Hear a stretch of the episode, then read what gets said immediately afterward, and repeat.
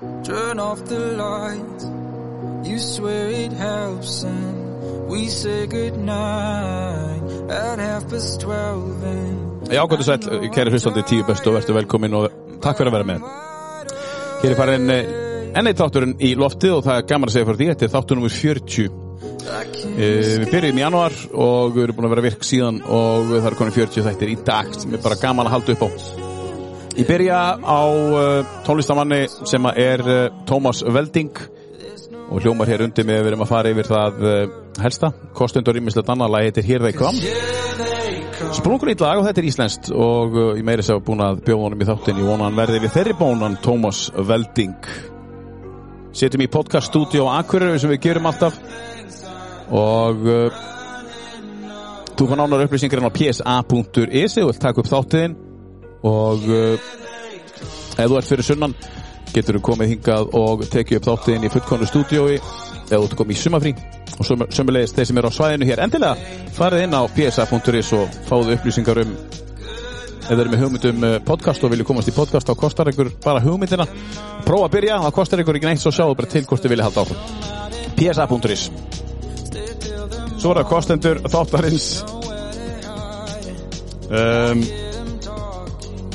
sem að eru sem segir Norður Akureyri sem er líkasættastöð eða tvær stöðvar hér á Akureyri. Það var ekki haft mikla trú á þessu stöð hér þegar þeir borðið í byrjuði COVID-inu í fyrra með sína fyrstu stöðu. Nú eru konið með tvær stöðar og þeir eru búin að smekkfylla báða stöðunar og það er ástæði fyrir því að það er fyrsta lagi bara frábær þjónustöðarna frábæri kennarar og konseptið er meira hóttar þú borgar leitlar 13.990 krónur á mánuði eins og staðan er núna þessu er sumarkort og þú færð þjálfun í hver skipti sem þú kemur. Norður Akureyri. Takk kærlega fyrir kostunum á tíu bestu norðurak.is Svo vil ég nefna næst Röp 23 er veitingastæður hér sem við þekkjum flest og flest setið og borðað á en uh, súsiðar er uh, ótrúlega gott eins og við vitum öll og þeir eru með hádegi slagbóri sitt uh, á, á Röp opið eins og staðan er núna í júni 2021 og þeir eru búin að opna þar aftur þeir eru með sína fjóra staðu og hátegiskortið þannig að við þökkum kjallaði fyrir kosturina RÖP 23 á 10 bestu. Og svo er það bræðurnir Átni Elliot og uh, Dóri Ká sem að hafa opnað uh, veitingastað og skemmtistað nýri í miðbæ Akureyrar sem að heitir Vamos. Og uh, þar kemur reynsla og bræðralag saman og þeir ætla að breyta hugmynd miðbæjarins uh, með uh, samstarfi við uh, veitingastæði og veitingamenn í miðbænum og aðeins að gera þetta líflega rætnar í miðbæju og það er frábært. Takk fyrir kostununa á tíu bestu. Vamos, Akureyri. Svo er það fyrirtæki sem hefur verið með mér hér dágóðan tíma og takkum kjallaði fyrir það Blackbox Pizza Akureyri sem hafði trú á þættinum þegar hann var ekki neitt neitt og það er nú bara gaman að fá ykkur inn og halda ykkur svona lengi í Blackbox frábæra pizzur hjá ykkur með súrdeisbotni og bara góðar sumulegis eh, Blackbox Pizza Akureyri. Takk kjærlega fyrir kostunina á tíu bestu.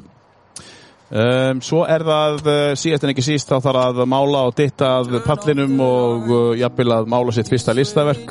Og þá getur þú farið inn í slippfélagið Akureyri þar þeir bjóðu beð með persónulega þjónustu það getur sest niður og fengið kaffi og spjallað og hvað þú vilt gera og farið yfir það sem að þú vilt uh, tala um í bara þægilögu uh, og persónulegu svona umhverfi. Við erum að tala um slippilægi og akkuröri sem að er skemmtilegasta málingabúðin í bænum, það er alveg að terru og við þakkum kellaði fyrir kostununa á tíu bestu. Viðmælandi minn í dag er uh, ung kona á uppleið í lífinu og uh, hún er lögfræðingur og hún heitir Berglind Ósk Guðmundsdóttir. Verðstu kærlega velkomin. Já, bara takk fyrir að bjóða mér. Gaman að fá þig í, í, í þáttin og hérna, fyrst langar mig til þess að uh, óska til ham ekki með annarsætti í prókjörinu segð okkur eins betur frá því uh, hvernig það, það æfintýri var allt saman hjá sástæðisfloknum Já, takk fyrir það. Ertu er búin að lenda?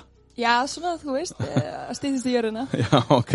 Ég hérna, sérst, gaf kosta mér í annarsætti í prókjöri sjálfstæðisflokksins í norðustu kjördami og ég sett sóttist eftir öðru sæti og, og prókjöru svona personukjör innan flokka þar sem að þetta er svona líðræðislegasta leiðin að mínum mati að velja fólk inn á þing. Þá sem sagt, uh, var, var kosið um top 5 hérna og, og ég sagt gaf kosta mér í annað og, og, og hlaut svo það sæti sem var bara verulega ánægilegt Já. og, og fekk líka flest atkvæði í samanlagt í öll sætin þannig ég var með í rauninu bara mjög mikið tröst Já, já, já. þeirra sem að kusu og það var bara gríðarlega ánægilegt En af hverju fyrstu svona mikið tröst, Berglind? Ég bara, ég veit ekki, segð þú mér Nei, nú bara að spyrja. Þú ert búin að vera að vinna í bæjamálum Já, eitthvað. já, ég er Já. sagt hérna Eitthvað hefur verið gert. Eitthvað hef ég gert, ég fór náttúrulega bara mjög víða um kjördæmi og, og reyndi að tala við sem flesta. Og, og talaði þetta mjög mikið bara um, um hvernig ég hugsa hlutina og, Mm. og hver mín áherslu máli eru. En fyrst og fremst fannst mér mikilvægast að hlusta á heimamenn. Og Mhm. kannski bara svolítið uh, ljá þeim eira það er svolítið það sem að fólk oft er að býða eftir, það er eitthvað hlusti á það. Mhm. og, og í rauninni fyrir mér er það bara að sapna í sarpin Mm. og svo hef ég þetta veganesti söður uh, ef ég vonandi í haust kemst að þing og geta barast fyrir þessu málum fyrir fólki. Mm, Þetta er, nú, þetta er svona nánast örugt þingsæti, eða ekki, svona ef við miðum við síðustu ár. Jú, það er alveg svo og ára tugi eða? Já, það held ég, ég held að það sé alveg bara uh, nokkuð, ég held að þurfa alveg eitthvað rosalegt að gerast til þess að þetta þetta út sko. Já, já, en það eru svona einhverjar svona breytingar innan, innan sástæðarflokknum eins og á- á flestum öllu núna. Það er svona, það er svona pínlítið svona breyting hjá flest, flestum flokkum. Já, það Sem er jákvætt. Mjög jákvæmt sko, en það hefur verið svolítið svona bylgja því að hérna, ekki meint hafna en kannski jú hafna sitjandi þingmannum og hleypa nýju fólki að Mhm. sem ég held að sé bara rosalega jákvætt og ég minna sérstaklega eftir COVID og allt þetta og, og að það sé svona eðlilegt að fólk er að leita af einhverjum nýjum hugmyndum. Hvað, ætlað þú, þú að koma einhverja nýjar, er, veist, hvernig verður maður góðu þingmaður? Veistu það? Hvernig verður maður góða þingmaður? Frábær spurning. Uh, ég held að sé að hlusta fólki Já. og, og, hérna, og standa fast á sínu. Mm Veitu það sé svolítið mikilvægt í þessu. En þú, þú, þú ert uh, ung Ég er það. og, og, og sem er náttúrulega bara frábært, uh, en þú ert uh, lögfræðingur, þú ert búin að vera að vinna líka fyrir háskóla, Já, já, ég er sett lögfræðingur og rektorskrust og háskólansakuriri. Já, og það er það sem þú gerir á daginn í dag. Já, Já. Um, hvað myndur þú segja, þú veist, hver er svona draumastaðan þín ef þú kemist inn á þing? Uh, þú veist, oftu verið að tala um að alþingi breyti einstaklingum í alþingi, skilur við, þú kemur inn sem einstaklingur og þú bara alveg saman hvað gerir, það breytist, þú verður bara að vera svona. Hver er svona draumastaðan þín? Það breytist ekki. Það breytist ekki, já. Hvað ætlar að gera til þess að gera ekki? Bara, ég held að það sé mjög mikilvægt að halda þingslunum og, og svona halda í rætunar. Já, einmitt. Og ræturnar eru svona Það eru bara fjölskyldan og vininir hér. Já, já. Þannig að þú verður, uh, þú flytur þá líklega bara suður ef þú kemst inn á þing, þá verður að flytja og er, er það komið í eitthvað svona, hvað varfið eða? Nei, ekki beint sko. En Nei. jú, vissulega er náttúrulega vinnan fyrir sunnan. En, en mér langar geta haft sko fótinni í rauninni báða megin. Mm Þannig að ég geti tryggt það að, að ég sé að heyra í fólkinu sem býr hér og, Mhm. og, og verið virkin í kjördaminu. Af því að mér finnst það vera líka svolítið það sem fólk er að kalla eftir. Mhm. Það er að þingmennin séu sjá, bara sínilegir. Einmitt. En hver er fjölskyldustaðan? Hver, hver er fjölskyldarhæði hjá þér? Ég er sem sagt uh, á eina fimm ára stelpu Já.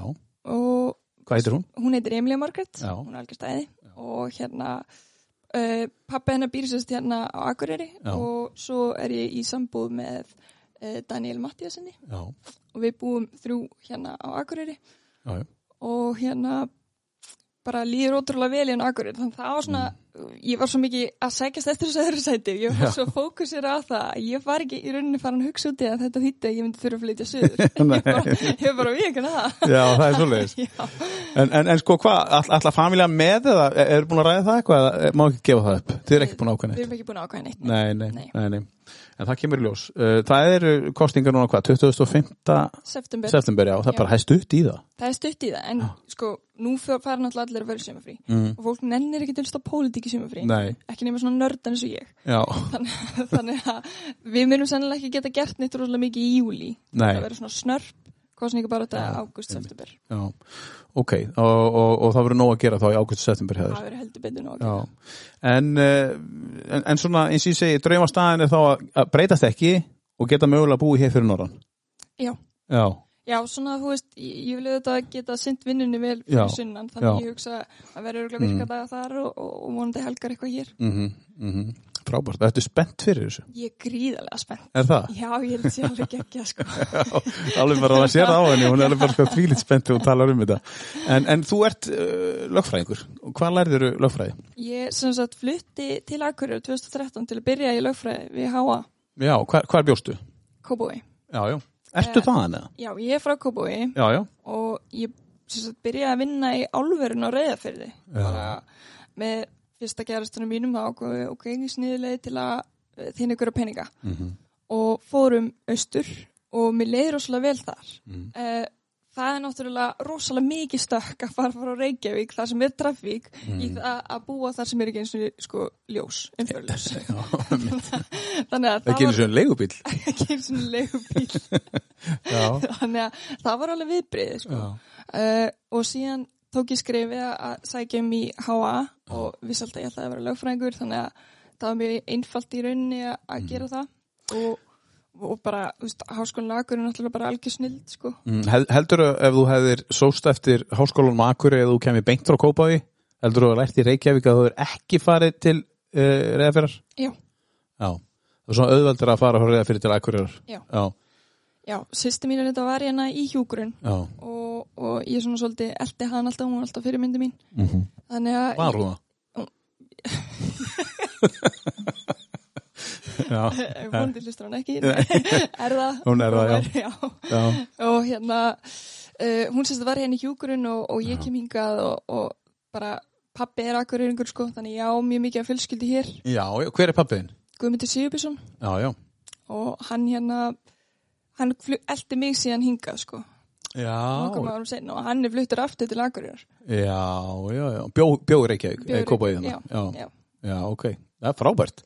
Frábært, frábært að heyra. En sko, eh, þú talar um eins og þú sérstu að 2013 fluttu við eitthvað svona, þú ert náttúrulega ekki eldri en 20, og hvað, 26? eða? 27 27, þannig að Já. þú hefur verið bara, bara rétt 18, 19, þú fluttu til reyða fyrir það, eða já, ég 17? var, ég var 19 ára Já, 19, áður Já. 19, já, ok. þú verður að vera átján þegar þú ætlar að byrja að vinna í hann að 700 gráð heita álunu Nú er það, er það reglur það? það er reglur Ertu þá búin að búa til, ertu þá, ertu þá, nei, þetta eru bara einhverja svona reglur. Já, Já, já. 19 ára? 19 ára Akkur ekki 18? Eh, ég held að það hafi verið átján Já, hann var 18 ára? Já. Já, Já. þú var bara að vera lögráða? ég var bara, já Já, ok, ég skil. geta fengið vilnuveluréttindin sko. ég er með liftarréttindin, hann tekur það enginn frá mér Já, þú ert með það. Það vinnur alltaf með það þér. er klálega alþingi, ég veist Já, þú getur örgulega að nota það, sko. Það þarf örgulega að færa einhverja stæður hér til okkur. Ég skal taka þetta, ég er með hérna. nákvæmlega En hérna, uh, hvernig er að vinna í, í reðafyrir, í, í svona, þú talar um hita, uh, hvernig er þetta, þú veist, er þetta svona heitt eða, þú veist, er, þetta var gríðilega heitt sko, fyrsta Já. lagi ertu í föðurlandi og Já. rúlugrafbúr bara úr ull Já. og svo ferði í ullagala yfir og svo ætlar að vera eitthvað nálægt álinu þá þarf þetta að fara í sko annan svona keflargala yfir þig Mhm. þannig að þú ert alltaf bara mjög vel dúðaður en hvað ertu að drekka mikið af vatni þarna á einni vakt? þú, mikið sko Já, þetta er bara til að halda lífið þá bara. Já. Já, þetta er svona áhættu, Þetta, er alveg gríðilega áhætta sko. Já, og er ég man bara fyrstu vikuna ég var að byrja að vinna þetta og svolítið komist sko að maður satt hann á námski í nokkra vikur og það bara ef þú snertir rafmagn þá deyrðu ef þú snertir ál þá veist Já. það var svona svolítið konsepti skilur Já. ég ætla ekki að segja Frábært sko. Já, en maður lappaði inn í alveg svolítið smeykur sko. Já, ég trúi því. en það er náttúrulega þetta betra því þá fer maður bara vanlega Já, já, auðvitað, auðvitað. En ok, þú ert kópavóksum ær, ef svo má segja. Og hvar varstu í skóla og svo leiðis og... ég var í salaskóla. Já, og það var komið mitt svona skemmtilegt að minna stað og það kom hérna auglýsing á Facebookinu mín um daginn því að, ég líkaði við salaskóla. Já, og það stóð salaskóla er 20 ári í dag og ég er 20 ári, ég byrjaði hann í, í þriðjabæk, þá var hann að opna já. það var svo smá skellir fyrir mig bara býta, ég er á svona gömur Þú ert endar ekki gömur, sko, en ég upplýði mig þannig Já, þú upplýði það. bara. Þú ert að leina á alþingi og þú ert lögfræðingur og þú ert 5 ára gamla stelpu og þú ert 27 ára og þú upplýðir þessi gamla konu. það er kannski að því þú er búin að gera svo mikið. Það kannski, kannski Já. En hvað tekur svo við? Hvað ætlar að, ætlar að Sko, nei, ekki bili. Ég Nei. var að klára lögmannsréttindin um daginn. Já, til hann ekki með það. Já, takk fyrir það. Það var alveg strempið prógram með 100% vinnu og prókjúri. Já, En mér finnst mjög gott að hafa 100 hluti að gera. já. Þannig að Já, þú ert þannig. ég taldi þannig, sko. Já. Já. og hérna, ég er að setja svona æfingarna til liðar og mér varst það svolítið erfitt þannig að ég var að byrja að æfa aftur núna bara um daginn sko, Já. eftir prókjöri gaf mér loksins tíma og ég er svona svo strengja brú- brúða sko, ég get alltaf hreift mig þannig, þannig að þú settir það eins til hliðar. Þú passar þá kannski að þú takk ekki á mikið að það veri overflow, þú veist svona hvar línan liggur eða? Já, svona það verður alltaf eitthvað aðeins að sitja eftir. Maður getur ekki verið allavega 100% allstæðar ef maður er að gera 300 hluti. Hvað gerist þá ef þú fer yfir, ferður þá stressuð eða verður, hvað ég, gerist? sko, ég hef svo sem ekkert mikið talað um það en ég er mjög kvíðir manneskja. Já, og ég, ég bara finn mjög mikið fyrir stressi og álægi uh, en ég er ásamt mjög innfalt með að, að, að láta bara svona, ég leiði það bara fram með mér Já. þú veist. það er stundum erfitt að fara feitur á morgunna bara og hugsa alltaf þess að hundra hluti sem maður á að gera Mhm. en um leiðum maður er komin á feiturna þá bara gerir maður þessu hluti mhm þannig að þú þólir alveg þetta sem þú ert að fara inn í Já, og ég, funkar það svolítið ég þar tel mig alveg geta það Já. og þeir líður vel þar Mér líður nefnilega vel þar. Já. Ég held að ég funksjoni bara mjög vel í þannig umhverfi. En þegar þú ert að leiðinni núna í sumafrí hvað gerir þið núna í einn mánuð sem þú ekki fara að gera neitt? Já, sko Ekki þá- plan. Þá ætla ég að skrifa allar greinar svo þessi tilbyrjar fyrir haustið. Og ég ætla að æfa ógeðslega mikið þannig að er bara og ferðast um all landið. Nei, já, nei, já, þú ert þessi já. Ég er búin að lesa ein- einstaklingin já, en ætlar að fara í hringin í kringum landið, ætlar að fara eitthvað? Ég ætla að ferðast um kjördæmið. Já, þá, það er algjörlega bara 1, 2, 3 en þú ert þá bara í fara þú ert að vera að vinna bara. Já, basically. Já, þetta er bara vinna sem þú ert að að gera núna. Þykist þér að fara í frí, þú ert með tölvun alltaf með þér og já, svo tekur þú æfingu fyrir utan uh, fellísið og, og, og, og, fer svo og hittir eitthvað fólk og eitthvað. já, Þykist þér í frí. þykist þurfi fyrir sko En sko, hvað gerir þú svona ef allt er, ef, þú ert ekki á leiðin í prófkjör, hvernig er sko mennilegt sumafrí þá? Venjulegt sumafrí uh, það er bara að reyna að njóta með stelpunni sko Já, og reyna náttúrulega bara að sína henni eitthvað nýtt sem hún hefur ekki gert áður Já. og, og, og njóta tímas með henni og, og þetta æfa bara já, já. já. Þú ert, ertu duglega að æfa? Já, og það er hlu- hluti að þig, þú það verður er að að vera. hluta mig sko. Ég byrjaði í CrossFit sem 2018 ég hérna fór í mína fyrsta kostningu bara í sveitastjórna kostningunum 2018 Mhm. og þegar þær voru búnar þá hérna hugsa ég, ég var svo mikið frítíma ég var að fara að gera eitthvað. Svo ég byrjaði á CrossFit. Já, og það bara gjössanlega breytti lífinu mínu. Já, hvernig þá? ég fann bara eitthvað sem ég hafði svo mikið áhuga á að þetta er svo ótrúlega fjölbreytt reyfing Já. og það er, þú getur alltaf fundið eitthvað þér við hæfu og eitthvað til að vinna í. Það er alltaf 173 veikleika sko. Já, 173? Já, það minnst það hvað sko. ok. en þú ert alltaf góður í einhverju. Já, þannig að þú, svona, þú getur peppa sjálf þig áfram og svo getur þú líka pingu bara niður og haldið áfram að vinna í veikleikunum. Já, ég sko. Já, þannig að þú æfir þú æfir sko að því að það er einhver ástæða þú ert ekki bara að æfa því að þú, ertu svona tölu tölfræði nörd já svolítið sko bara, ég er alltaf að vinna í prósundunum og, og reyna að koma mér upp sko já það er Já. þú, þú ert bara að skrifa hver einstu æfingu niður og hugsa ég er betri núna en ég var síðast Já, kannski ekki beint skrifaði lengur niður sko, því núna hef ég minni tíma en þegar Já. ég var að æfa tvisar á dag þá bara klárlega sko. Já, hefur ykkur tíðan fara á æfingu og æft bara fyrir hausinaður, bara fyrir andlega veljan Já.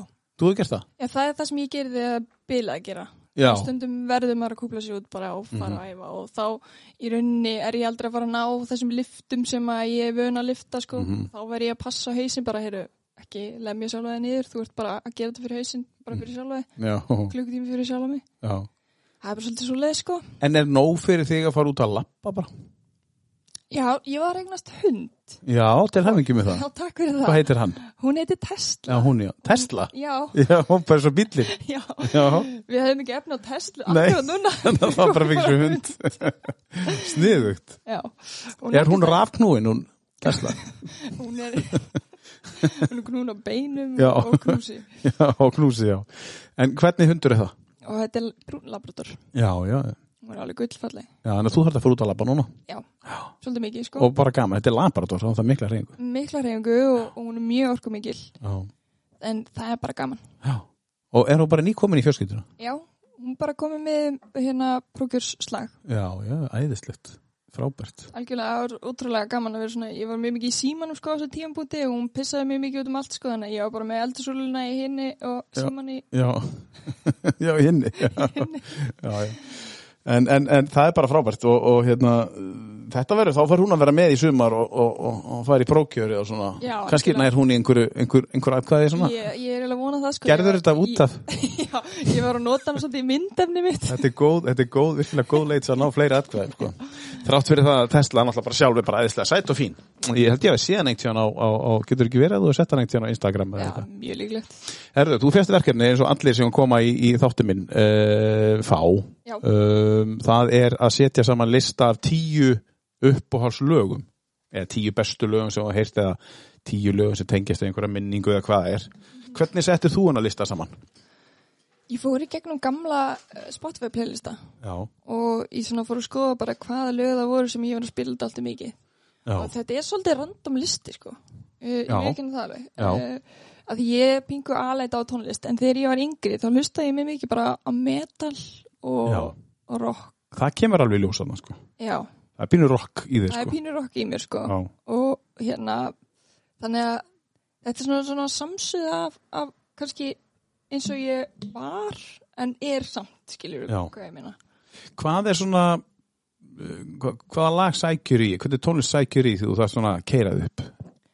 Uh, ég elskar að hlusta á uh, Arctic Monkeys. Já, og hérna svo er ég með hann að laga með White Lies sem er alveg frábært, við kannski byrjum á því að því að það svona tengist svona svolítið kvíðanum, já, að því að hann er að syngja um flug. Hann er svo flughrættur og svo gaman þegar maður hlustar á textan og hann er svona að peppa sig áfram í, þú veist að Já. óttin heldur í mig. Já.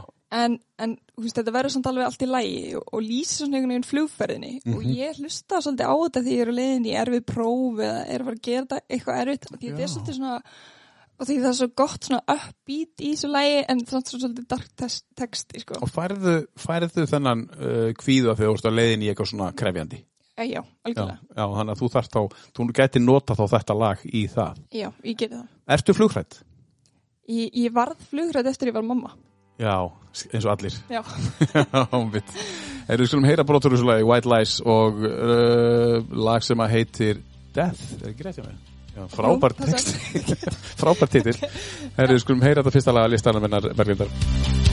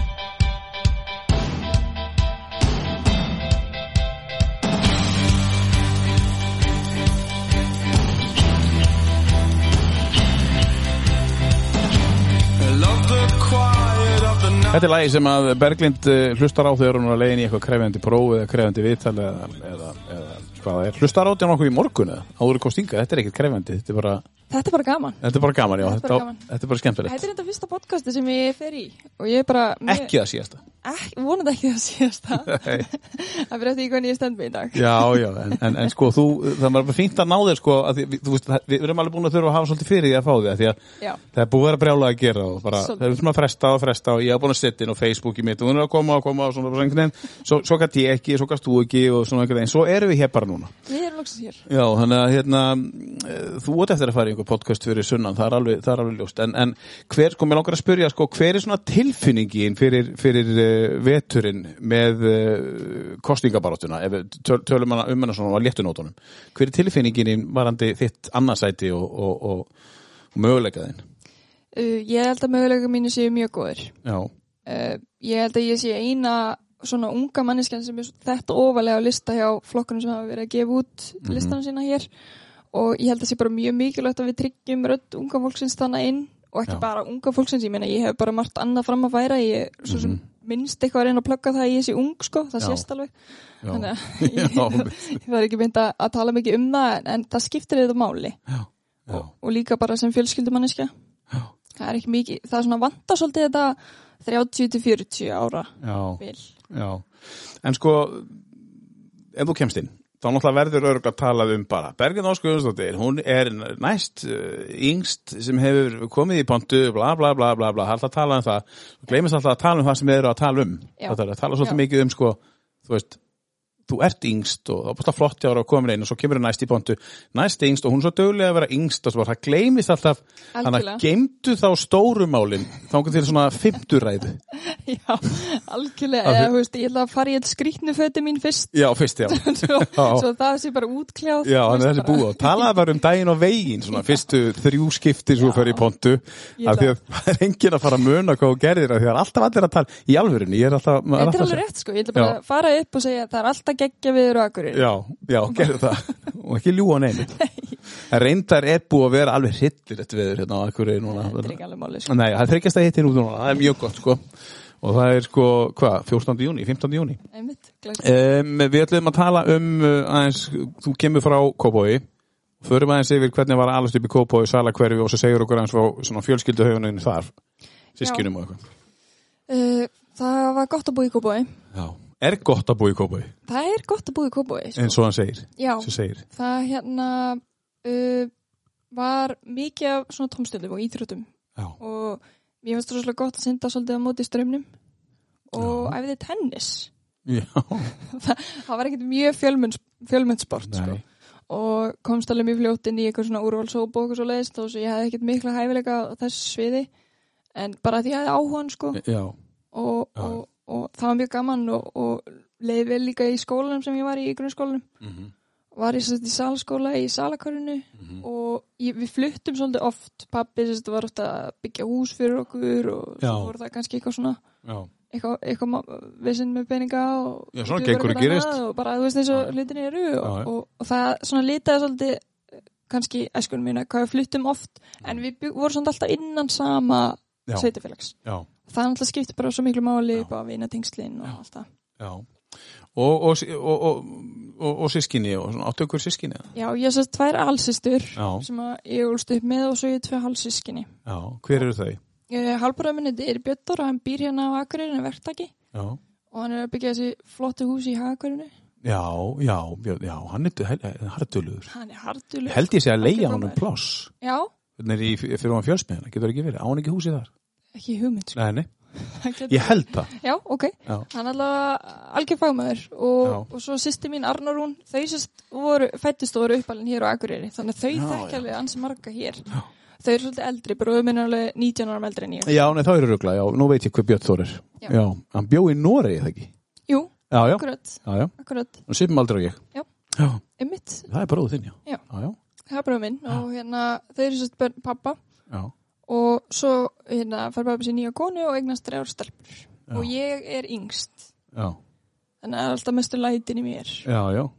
Það ertu svona típist örverpi, Já, af, af sko sem er jákvætt. já, já, já, Já, það er jákvæmt, já, það segir bara já. já, sem er mjög jákvætt, sko. Já, já, já. Ok, og, og hérna, hvernig, en, en, er eitthvað hérna á listaninu sem að smita sig gegnum uh, til dæmis Björn Þór eða einhver sískinni sem að þú veist að stela diskonum frá honum og eitthvað svona og, og, og merkja þér diskana sem hann átti og eitthvað svona hlustar eitthvað, er eitthvað sem kemur það nú dettur mér eitt lag í huga án svo nefnir að lánum fjögur. Uh, Já, það er svolítið frá pappa, sko. það er pappiðin, já, Já. ok. Uh, og það er í rauninni sko tvö lögana sem að, þú veist, ég fór í gegnum listan aður í sendan og ég sagði bara, vá, þú veist, ein bara sem elskar pappa sinn sko ég Mhm. þurfti að taka allavega eitt eða tvö úr sko því að þau voru Þetta var svolítið íkt. það voru alltaf íkt sko ég fór- pappastelpa? ég er rosa mikið pappastelpa sko Já, og hérna við erum mjög góði vinnir já. Ég meina hann hlustuðum eldiði Inga Norður. svo- hann eldi mig yngan orður og ég reyndi að elda hann til Noregs en ég fann mér eitthvað vinnu þar sko Nei. og Var það þannig? það var þannig Já, já. Og ég er búin að pröf, reyna að pröfa alls konar og reyna að finna sjálf mig og allt þetta en ég fór fyrir einhvern veginn alltaf aftur í það að vera lögfræðingurinn sko, Já. Já, típusku löffræðingur. típisku lögfræðingur Já, hvað er típusku löffræðingur? Eða þú, hvað, fyrir þér? sko þegar ég byrjaði náminu þá mann ég alltaf eftir einum kennar sem sagði ef þú kannt ekki að draka kaffi og áfengi þá getur bara glimt þessu Saman það kennari? já bara svona klukkan 8 á mánudagsmórni skilur Já, það var bara vast að vakna og bara... já, það var að kaffi sko Já. allavega, en hérna Ok. þannig að ég veit ekki alveg hvað típisk lögfræðingurinn er, þeir eru svo, þetta er svo mikið, svo mikið litrúf Já, þetta, þetta, þetta, þetta er litur eins og allt annað. já, Uh, margir góðir, margir ekki góðir. Eins og alls þar annars þar. það er svolítið, það er svart að segja Já. En, en, en tónlistin, uh, en, en móðin? Uh, já, hún sko, hún meira svona ABBA dancing queen sko, Já. ég var ekki þar. Nei. Það er meira rock, segi, það vantaði rock í mömmuðina. Það vantaði rockið með mig sko. Já, já, já, já. Ok, frábært. Við skulum bara vinda okkur í annan lag á listanum uh, áður en við höldum áfram og uh, uh, hvað ættum við að spila næst? Uh, ef við ekki bara taka uh, Wish You Were Here með Pink Floyd. Jó, það er eh, fyrir pappa eða, já. pappa, já. Þetta er eitt af lögunum sem að er, er fyrir pappa, pappaðinn af, af þessum lista en þetta er náttúrulega lag sem að uh, já, svo margir þekkja þetta er á uh, lista hjá mörgum einstaklingu sem besta lag og, og þú fílar bara þetta lag Ég bara, ég elska þetta lag. Já, hvena spilar þetta? Mm, Í hvaða, í hvaða múti ertu? í hvað múti? Kanski bara svona rigning sko.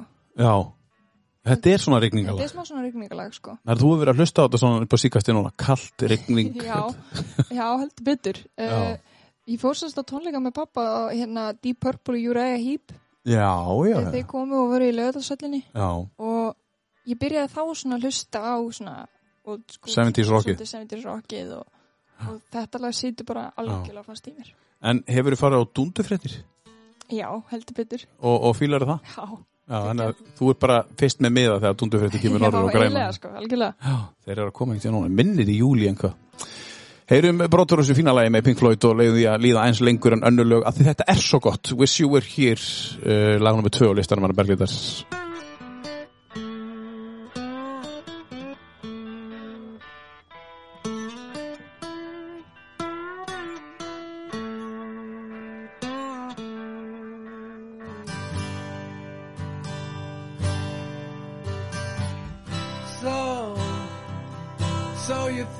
you tell. Heaven from hell, blue skies from pain? Can you tell a green field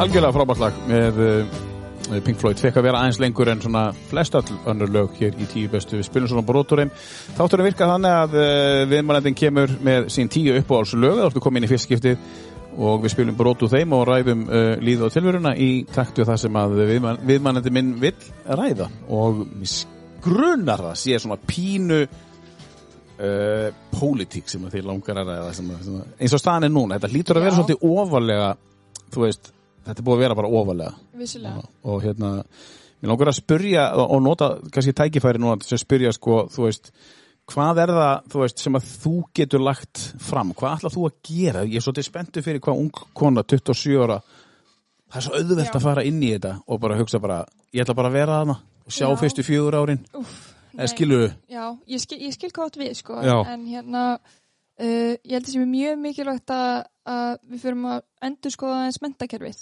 Af Mhm. því ég held að mentakerfið sé svona besta verkfæri til að tryggja jöfn tækifæri allra. mm -hmm.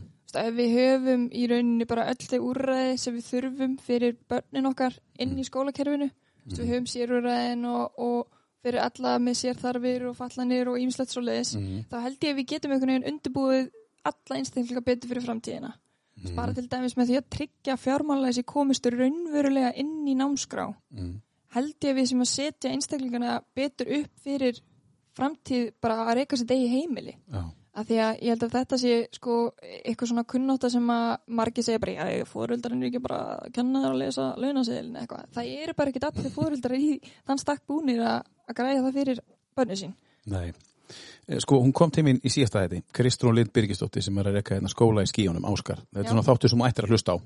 Uh, hún er að kynna þar nýtt uh, einmitt fyrirbæri þar sem að þú getur verið að vera heima og lært uh, basically eins og það var í COVID bara taka þá uh, þú veist, þú getur tekið allar framhaldsskólan bara í, á netinu, þú veist, og, í gegnum það Eh, þegar þú ert að fara að tala um þetta þe- þetta er náttúrulega þetta eru erfiðustu fundirnir þetta er, þetta er sko, þetta er svo erfitt að eiga við þetta og breyta einhverju þarna Já. svo getur þú farið í einhverja aðra nefnd og svo auðveldar að svona, koma einhverja hugmyndir þar en þú vilt fara í þessa nefnd Ég vil fara í þetta, ég vil Já. alveg takla erfiðumálinu og helst bara gera það strax sko. Já, Áður en að maður verður eitthvað þreyttur og þvældur þá held Já. ég að- að maður þurfa að takla stórmálin.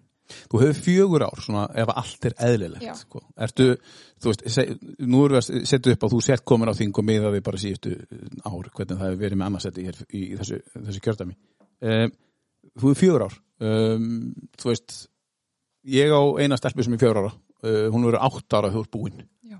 hvað getur svona fyrstu tvö árin? Meina, þú veist uh, er, hver, hverju villu breyta, þú veist E, í skólamálum, bara, þú veist meira en það sem hún nefndir á já, meira. Já, Mm, ég myndi vilja alls konar svona meiri áherslu á forvarnir og fræðslu bara svona um almenna hluti í lífinu í rauninni. Svona, sérstaklega eins og líðhilsu og mikilvægi sveps mm. og rétt mataræði og hreyfing. sem að er ekki núna Það er ekkert, ekkert svona markvist sem ég Nei. veit um í rauninni. Nei, það er ekki, sko, Það- við erum búin að já. grannskoða Já, sko, og ok. spurja og taka símtöl, sko. Já, algjörlega. Og ég meina kynfræðsla, kynfræðsla er ekki bara, þú veist, kynfræðsla. Þú veist, Mhm. þú gerir þetta og verður ólétt.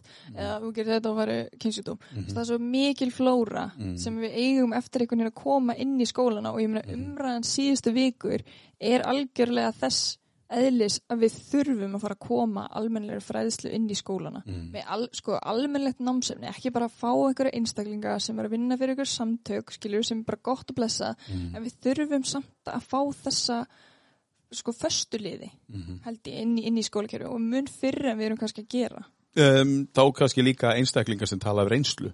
já, algjörlega, bara svona, svona svolítið að samþætta veist, svona bóklega veist, partin af því að fræða Já, og svo bara raunverulega reynslu raunverulega reynslu, já. Af því það hefur kannski svolítið vantað upp á. Þessi raunverulega reynsla. Þú þarft að vera, til þess að koma raunverulega reynslu inn í, í skólakerið, þú þarft að vera kannski orðin nafn eins og Bubi Mortens eða eitthvað, þú veist, Já, þá getur hann komið, þú veist, að tala. En svo eru svo aðri sem eru með svo opbóslega mikið, mikla reynslu á baku sin sem fá ekki að koma því að það veit ekki hverju er. akkurat, og það þarf kannski að, að, að vinna eins betur með þetta þú veist, mögulega hefur þessi frá einhver að segja sem er, sem getur hjálpa barninu að algjörlega gera barnið eins og Kristún sagði sko, framkvæmta stjóra síns eigis lífs eftir, eftir hérna, að því mér varst það svo flott sem hún sagði sko. já, mjög sko ég þekki hérna ungan einstakling sem að hefur búið mörgum skólum að koma inn með föllunafræðslu hann er alveg frábærstrákur Mm. mm. en hann fær oft neitun af því að hann er ekki ex-fræðingur í einhverju, þú veist, en hann er fallaður einstaklingur sjálfur hefur barist í kerfinu Mhm. og er í kerfinu og, og hefur svo margt fram að færa bara sko, bara það til dæmis að sína ljósið Já, einmitt. veist, Einmitt. það er, heyri, ég er þessi flotti einstaklingur og, og ég er búin að þurfa að berjast en ég er að berjast svo þið þau kannski þurfið ekki að gera. Já, það er nákvæmlega þessi einstaklingur sem þarf að komast inn. Það er það sem við erum að tala um, en hann færi nei að það veit ekki hvað hann er. já, já, Þetta er, þetta er, þetta er gott barátumál. Þetta lýst mér vel á. Og, og, og þetta getur tekið tíma. Hal, já En þú hefur fjör ár. ég er fjögur ár, Já. minimum sko. Minimum, sko, já. En sko, maður ma hugsaði náttúrulega bara um fjögur ár í, í, í, senn. Já. Já. Ég vona að þú sért ekki uh, þingmaðurinn sem hugsar þegar þú komir inn á þing bara uh, fyrstu hugsun eins og margir. Uh, því miður bara, hvað get ég gert til þess að komast inn á þing aftur eftir fjögur ár? Hvað þarf ég að gera til þess að halda þingsætinu mínu?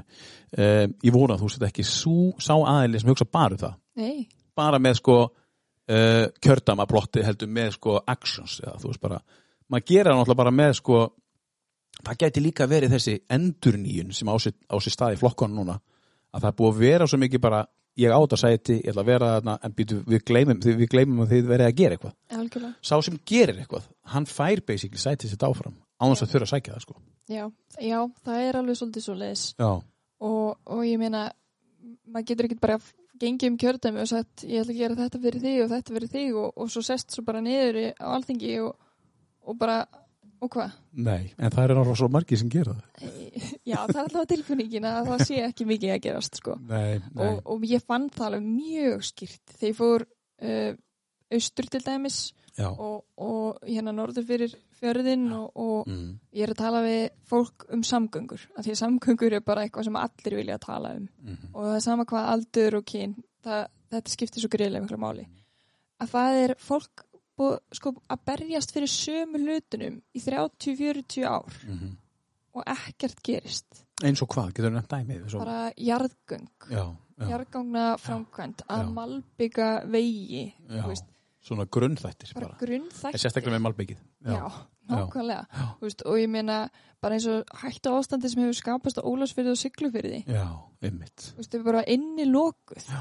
þetta, þetta getur ekki átt að, þú veist, við viljum ekki hafa þetta svona. 2021 í sko innilokuð í sko örgulega svona minnsta vetrinum sem hefur átt sér staðana í, í Já. mörg ár, samt innilokuð. Samt inni lokuð, já, svolítið einsagt svolítið einstakt. Já. og, og svo líka bara hættan eins og við sáum að segðis fyrir því að, náttúrin er svolítið að minna á sig. Mm. að eiga ekki greiðari leið þá út úr bænum sko. Já, bara öryggi að upplifa það. Já, já. Einmitt, einmitt, já, maður segist fyrir sem gerist þarna fyrir, fyrir jólin. Já, Já, já, en það er það er allavega, sko ég held að þessu auðveldara ef maður er einstaklingur með einhver markmi og fer inn í einhvern svona eh, vinnustæð sem er alveg nýr að vera með bara eitthvað, þú veist, ég er að fara að gera þetta fyrir að vera bara, láta pikki sig gera þetta, þetta, þetta, þetta, já, já, algjörlega bara, ég er að fara að gera þetta Já. Eh, er það ekki bara miklu auðveldara Jú, það markmiðið mitt var, þú veist, eins og í prókjörinu, það var ég bæði að kynna mig og hlusta fólki. Já, Og ég er bara búin að skrifa niður hjá mér hvað fólk var að segja við mig. já, Þú veist, hvaða áherslumál þetta eru, hvað Mm. brennur á fólkinu og sveitistöðunamuninum og allt þetta. mhm, Af því það, er það, sem, það er veganesti, það eru verkefni mín. Einmitt Við ætlum að taka lag, svo ætlum við að fara yfir í Háskólan Akureyri sem þú starfar og það sem þú uh, námast að læra líka Já. um, Hvað var að taka? Skulum taka Everlong með Foo Fighters. Já. Það er roadtrip-lagi, sko, því ég var svo miklu roadtripum uh, síðustu vikur. Þetta er típist svona lag í bíl Já. Keira hratt Já. Nei, uh, svona upp að 90 Já. Rosalega. keira, keira á 90 Já. þetta er opbóðslegt svona roadtripla þegar þú segir það sko en hlustar annars á Foo Fighters Já. Já, aðeinslegir, hlustar á Nirvana Uh, nei, ekki mikið. Nei. Bara greatest hits. já, þú veist að þetta er tommarinn úr Nirvana Já. þú veist það, ok en hún er svo ung, maður verður að spyrja sig heyrim í Foo Fighters og Everlong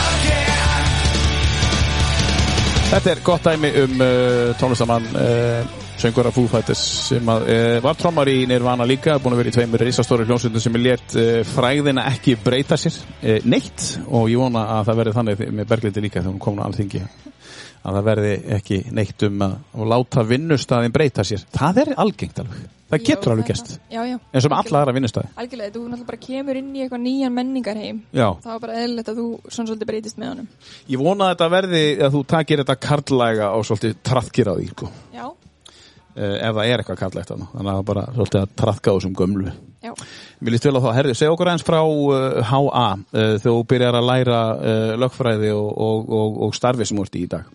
Já, ég byrjaði lögfræði 2013 og komið strax inn í að vera nýnema fulltrúi og, og, og svona inn í sko hagsmunabaratu stúdana sem var bara ótrúlega gefandi og það skemmtilega við háa er hvað er hann lítill Já. og það er svo pe mikið persónlega nálgun og, og við kynntumst auðvitað krakkanir allir bara svona þvert á öll sviðin Já. þannig að það var ekki bara, ég var ekki bara að hanga með þeir sem voru í lögfræði, heldur besta vinkunum mín var í hjúkurunafræði og viðskiptafræði og sálfræði og, og allt þetta Já. þannig að það var svona, við erum svona, svona breyðum grunni í vinahópurinn sem að stendur en þá eftir, eftir námið Mm og það var rosa gefandi eins og ég segi að vera í hagsmunabaratuna því þá kynntist maður líka fullorðna fólkinu í skólanum Mhm. Þú veist, þeir sem voru að vinna og, og fekk tækifæri til dæmis að starfa lögmanstofu strax eftir hvar? sem er e, lögmenn Norðurlandi Já. bara algjörlega frábær einsla en síðan hafði háskólinn sérst samband við mig og baði mig um að vinna nokkuð verkefni fyrir sig Já. Og það var svona þannig sem að ég í rauninni komst inn í starfið Já. að þeir hefði aldrei haft lögfræðing áður en ég fyrstu lögfræðingur háskólans Já, bara búið til starf. eða? ég bjóð bara til starfið sko Já. og hérna það er líka mjög spennandi að vera að móta starfið sko þannig að þetta er alltaf svona ljóta mig kannski að vera að hlaupa í burtu akkur núna, ég er ekki búin að vera sérstaklega lengi sko En þú ert búin að búa okkar til er og að það er það sem til vonandi og- gerir líka á alþengi. Já, algjörlega, þannig að þú veist og líka bara gaman að koma svona stutt við kannski og, og ná að skilja eitthvað eftir sig Mm. En það er, ég, allavega, ég vona það og, og hérna allavega, ég bara, ég elska bara, ég vil bara segja það að sko, það er haldið svo vel utanum hann Mhm. að mínum að ef þú, ef þú í rauninni sko gefið þig fram Mm. til þess að, að taka þátt í hlutunum og, og þú vilt hafa ykkur áhrif Mm. þá, þá er tekið eftir Mhm. það held ég að sé þú veist, það er ekkit sjálfgefið í svona stórum skólum eins og Háskóla Íslands eða HR ég held að þurfa að, bera þig miklu meira eftir aðstofinni kannski Já.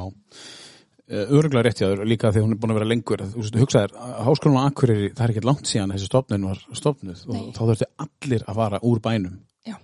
e, söður. Við mistum endurist af fólki. algjörlega, þetta er bara stærsta byggðamál bara Já, bara í sögu, í sögu sögu landsins. sögu lands Eða í ángrín, sko. Nei, veist, þetta er búið að skipta gríðarlega miklu máli, bara svo samfélagi á Akureyri er búið að breytast alveg rosalega Já. að háskólan kom og, og eftir stækkunum og allt þetta Já. bara Já, mjög flott mál og, og það er mjög mikilvægt að við höldum áfram að styðja við og, og styrkja háskólan hér og, og, og sko í rauninni hann er að sinna svo mikilvægi hlutverkja því hann svo, það er sveigilegt nám þannig að Mm. þú getur í rauninni bara búið hvar sem er einmitt. og stunda námi við hann Já. þannig að við erum líka að sinna nefndum bara á vestfjörðunum og, og austurlandi Það er gott fjár, hérna, svona fjárprogram. mjög gott fjárprogram sko. Bara, svona sveigjanlegt sko.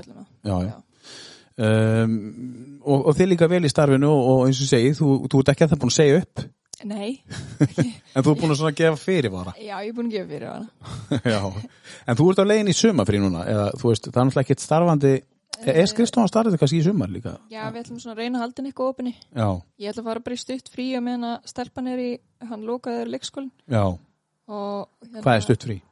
Ég, ég ætla að geta tvær vikur. Já, og síðan bara ætla ég að taka restina sumum fyrir inn að kostningabarátum byrjar. já, já, einmitt, þú verður náttúrulega að gera þetta þannig. Já, það er svolítið svo leiðis. Já Um, Háskólan Akureyri, það er þetta ræða það alveg fram og tilbaka og hva, hvað svo mentastofnur hefur gert ekki bara fyrir e, bæjarfélagi heldur bara, þú veist við erum að fá 2000 nefnendur hérna á, er ekki 2000 nefnendur?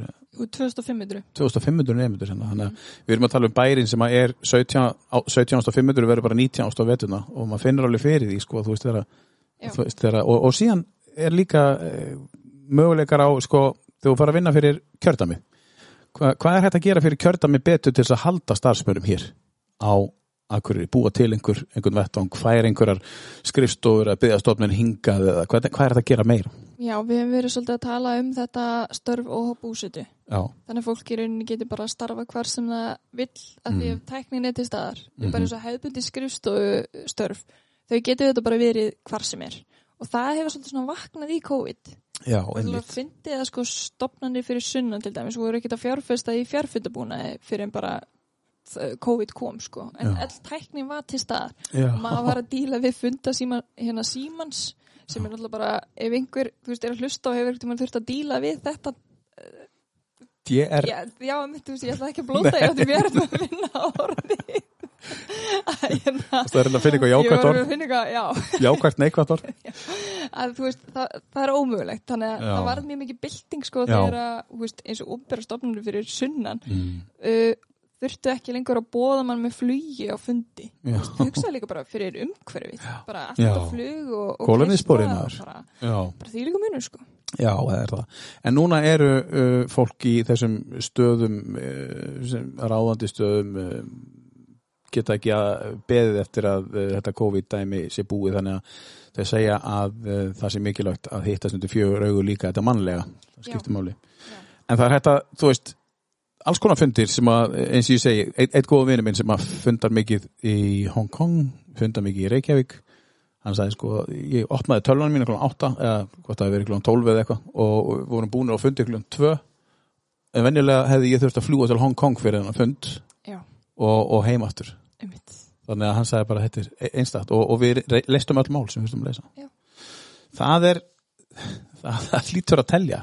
En ef þú gerir bara það þá svona verður kannski svolítið innilokaður og verður svolítið inn í þér en þú verður líka að hitta fólk já, algjörlega er það að blanda þessu? það þarf að blanda þessu og, og ég held líka sem er mikilvægt að, að kannski ef fólk fær meira veist, eins og Mhm. það þarf ekki að vera að ferðast alla þessa vikulindi fyrir alla fundina Mm -hmm. að það getur þá sendt áhugamálunum sínum betur Mm segjum svo að áhugamálið sé að hjóla Mhm. og þú ert í 20 manna hjólahóp þannig komin í félagslega tengslin þú ert Mhm. ekki lengur einangraður Nei, veist. og, líka bara það eins og við fórum að gera ég skipulaði hérna í COVID bara kaffi tíma Já. með fólkinu sem við fórum alltaf í kaffi Já, og bara klukkan tíu þá bara fórum við á Zoom í kaffi já, auðvitslegt og bara spilluðum um daginn og veginn og hvað er þú búin að vera að gera? Já, ekki neitt, bara heima samt kaffi, Samt kaffi skilur, bara að hittast og En hvað með að taka bara alla leið, alþingi bara á Zoom, það sem eftir er? Hvernig víst þér á það? Vera bara á Zoom?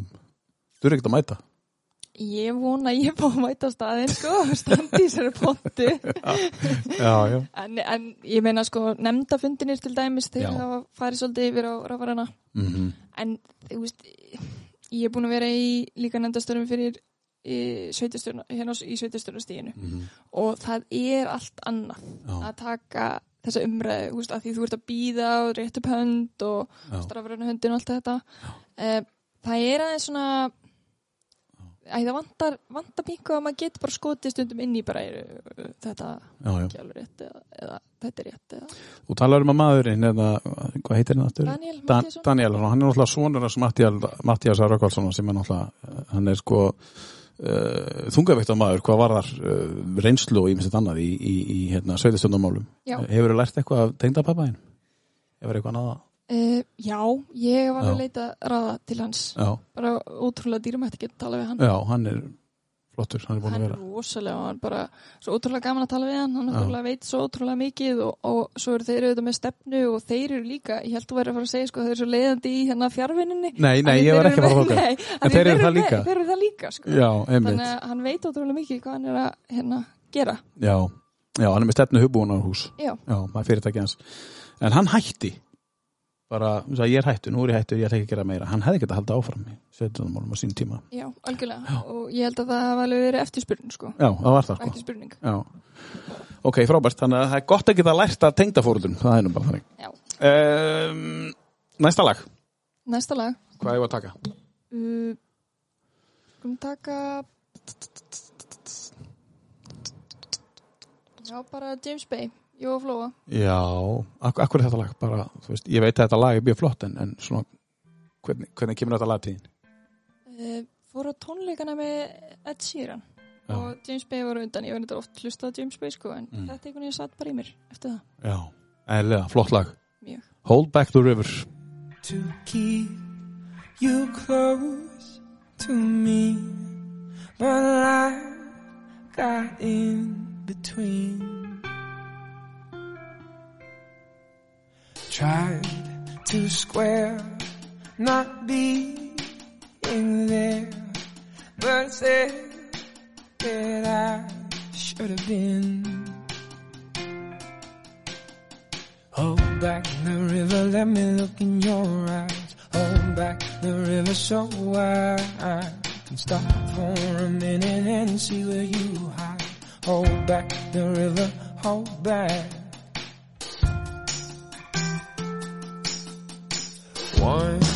Upon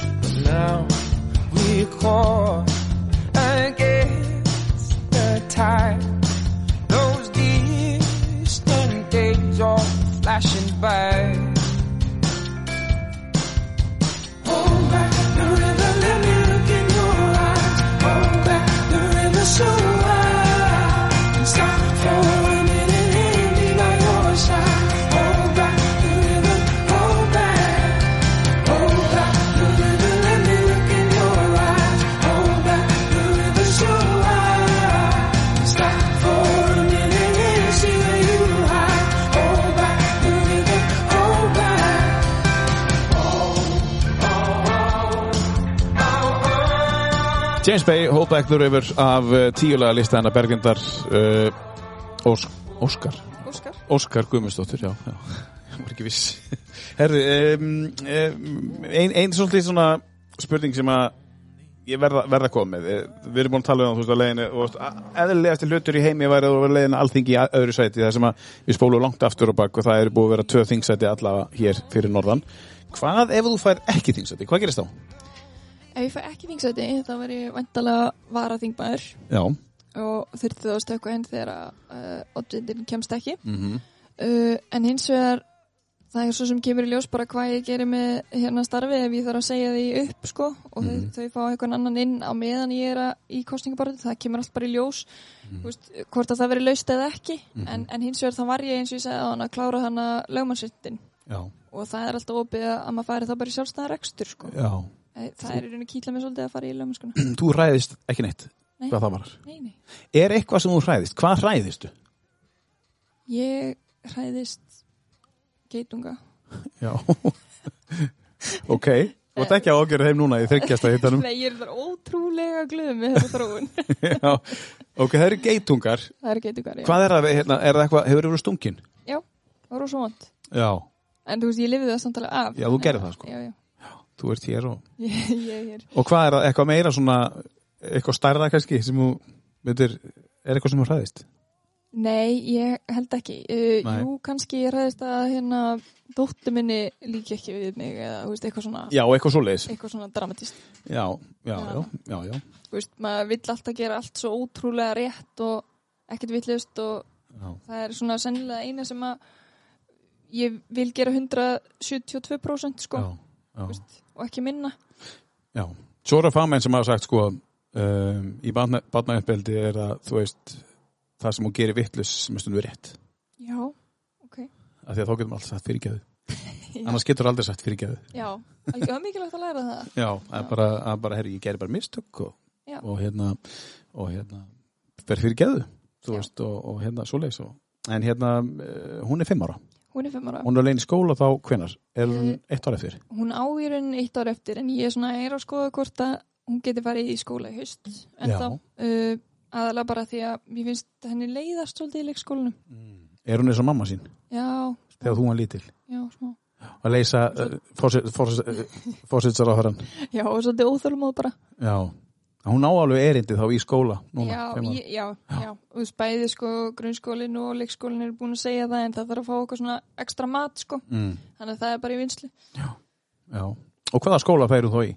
en nausta, Já, já, en það er svo sem líka fer allt eftir í hvernig já, það fyrir haust já. Kannski er það bara salaskóli. kannski er það bara salaskóli. Já, já, ef þú flyttir sögur hvað myndir þú vilja búa? ég myndi vilja búa einhver stað nálægt alþingi. Já, ég held að það veri langt þægilegast sko. já, það er svona praktíst já, en það eiginlega bara kemur í ljós hvað er í búði sko. ég Já, já. held að ég stýri því ekkert alveg akkurat Nei. Svona. Nei, nei, nei, nei, nei. Það, er, en það er alltaf einhverju íbúð til sölu já, já, algjörlega það er, þú veist, fullt til sölu sko, en, en Já, já. þetta fer allt bara á núleitni og maður þurfti örugglega að kaupa án til þess að skoða það sko. Já. það er svo galið hana fyrir svona Tækjur að þér uh, stærri málin af flokksins eða eru bóðin stærri, stærri, stærri staðin af flokksins í haust Já, en ég held samt að það væri gríðilega mikilvægt fyrir mig að auðlast reynslega sem þingmaður. Já, almennu þingmaður Já, Já, ég held það. Uh, en auðvitað væri það mjög gaman, sko. mhm Uh, sérstaklega að menta á menningamáluröðaniti. Mm Nei, bara, bara út frá því sem ég var að segja það. Já, já, ég mitt það er svona brennur svolítið hjá þau Það sko. bara ennig svolítið, en, en ég meina, veist, það Það er auðveldara fyrir að koma málum í gegn ef þú ert menta á menningamálum nákvæmlega. þá þarfstu bara að leita til sjálfstíns og, og, og, og fólki sem er undir þér Já, en, en já, það er frábært uh, en það er svona, svona það svona, erum við leikókur eins með þetta sko. um, það er svona það ennbæti sem þú myndir helst vilja fá já, á, á þessum tímapunkti. á þessum tímpúti Því ég hef alveg fyrir eitthvað mikla þekkingu sko, sem starfandi hérna í háskóla og Já, sem móðir mhm, leikskólabars sem eru Mhm. leiðin í grunnskóla og, mhm, og sem er þetta bara fulltrúi og sveitastjórnastíðinu. já, já Þegar þú ert búin að vera í sveitastjóðunum sittur einhverjum nefnd, nefndum þar? Já, ég er sem sagt í stjórn Akureyrastofu sem Já. fer með hana menningarlisti og atvinnumál Já, og svo er ég formaður stjórnar fallorku já, já, já, já, sem er alveg greiðlega gefandi sko. já. Það er innan uh, Norðurork Eða, það er alveg sér fyrirtæki sko. Já, það er sérfyrirtæki En, en, en Já. eini í rauninni eignaðalinn er Já. Norðurorka. Já, þannig að það er orðið sér stjórn þar. Já. Og þú hvað stjórnar fram að þessu? Já. það er bara frábært. Það er, það er krefendi. Það er greiðlega. En það er eitthvað sem þú þarfst að segja upp líka ef þú hættir. Það er svo margt sem þú þarfst að fórna. Já, það er svolítið svoleiði sko. En ég hugsa bara að tækifæri er það Já. stórt. Ég get aldrei neita því sko. Nei. Ég er líka svo test eftir því þannig að það veri skrítið að ætla að baka núna. Já, já. Sér það aldrei eftir ákvarðinni. Bara milli mín og þín. Alls ekki sko. Ég, ég er mest hissa, ég er kannski ekki hissa. Uh, það surrealískasta er að ég fekk sætið einhvern veginn. Þú veist að Já. ég er búin að vera að fylgjast með vini mínu fyrir sunnan sem er sækjast kannski eftir einhverjum sætum og gengur ekki alveg nákvæmlega upp eins og Mhm. það vildi. En einhvern veginn, auðvitað vann ég bara allan sólarhingin að þessu markmiði. Já. En, en það er samt einhvern veginn svolítið surrealist ennþá sko. Þú Veist, þetta er bara partur af að koma fótunum aftur nýra í jörðina sko. Að að hafa fengið þetta sæti. En þú fær náttúrulega ekki sæti nema að þú hefur runni fyrir því. Það er alveg þannig sko. Þannig að eitthvað hlýtur að hafa gert. Já, Uh, þú ert einhvern veginn að kafa það og finna það. Hvað var það? Þú veist, og þá er svo öðvöld að, já, ég gerir þetta og þetta og já. Þú veist, af því að það er svo ofta fólk sparar það að segja fólki og rósa því fyrir í hvað er að gera gott. Það er yfirleitt bara, er, þú var að laga þetta. Þannig að það er mögulega einhver sem á ekki aldrei eftir að segja við því af hverju fyrst sæti, þú komast það sjálf. Já, já, þannig að, hérna, þú varst að hugsa það bara upp á hvað það er, En þú náttúrulega ert búin að vera stofna í sveðstofnamálum, þú hefur kannski verið kannski pínu virk þar og þú hefur verið í þessum nefndum og, og stjórnaformaður, fallósku þannig að það geti líka að hjálpað. Já, vinnan innan þess, meina ég, það sem voru skilaðar já, algjörlega. Það var líka hjálpaði þetta. Ég var bara ágætt að vel kynnt áður en að já, við fórum inn í þessa prókjásbaráttu. Ég var náttúrulega búin að vera fara í gegnum kostningabaráttu. mm, veist, það voru eina myndina Berglind í bæðastjórn og allt þetta. mm, Og svo þetta bara hef ég verið reyna að vera duglega að skrifa greinar Mhm. og svona, ekkit bara með henni við prókjásbaráttunni, Mhm. heldur bara svona um það sem ég finnst. auðvitað hjálpar það að, að, að, að sína andlitið sitt og allt það sko, en, en ég held að sko actions séu stærri Já, eða svona, reynd að finna hvað það var þú ert eftir að koma á stæði því þú ert að finna það örgulega sjálf Herðu, um, við ætlum að taka tvö lög núna í, í, í, í röð af Ok. listanum ok. Og þú taka hérna Anna Molly, Anna Mól Líó, já, já, með Incubus já, og, og já, og ég segja næsta líka. já, já Já, Arabella með Arctic Monkeys þetta eru svona tvö geggjuroklu sem ég, mm. þetta er svolítið pepp líka. þetta er svolítið pepp sko Þannig, að þetta er líka svona, þú ert að fara á einhverja krefjandi fundi og Já, sérstaklega þetta. Ég Þetta, elska þetta. já, Þetta er geggjur. headbankar Já, ekki spurning. Ég hef svo sítt hári. Ég Já Herru, við ætlum að fá tvö lögur uh, Anna Molly uh, með Incubus og svo ætlum við að heyra í Arctic Monkeys hér og eftir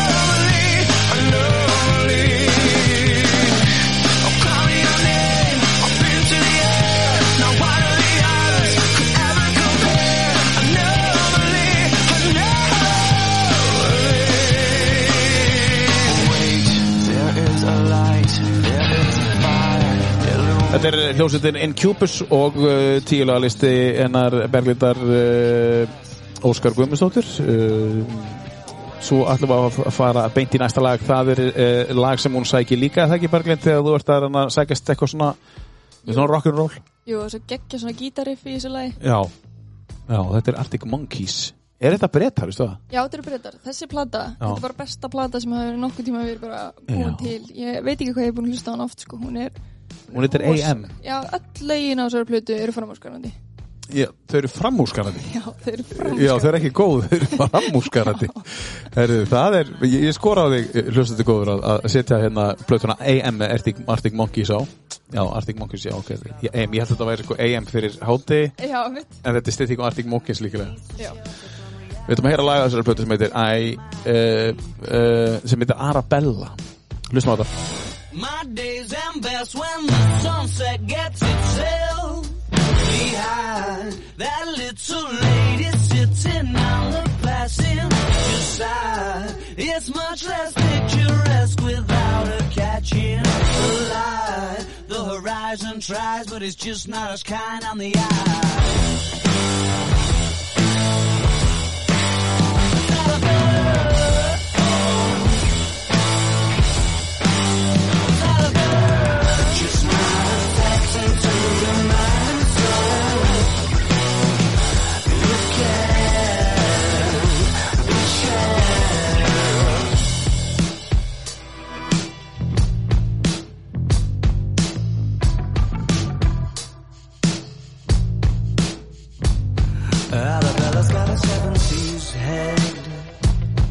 She's a modern lover, it's an exploration. She's made of outer space.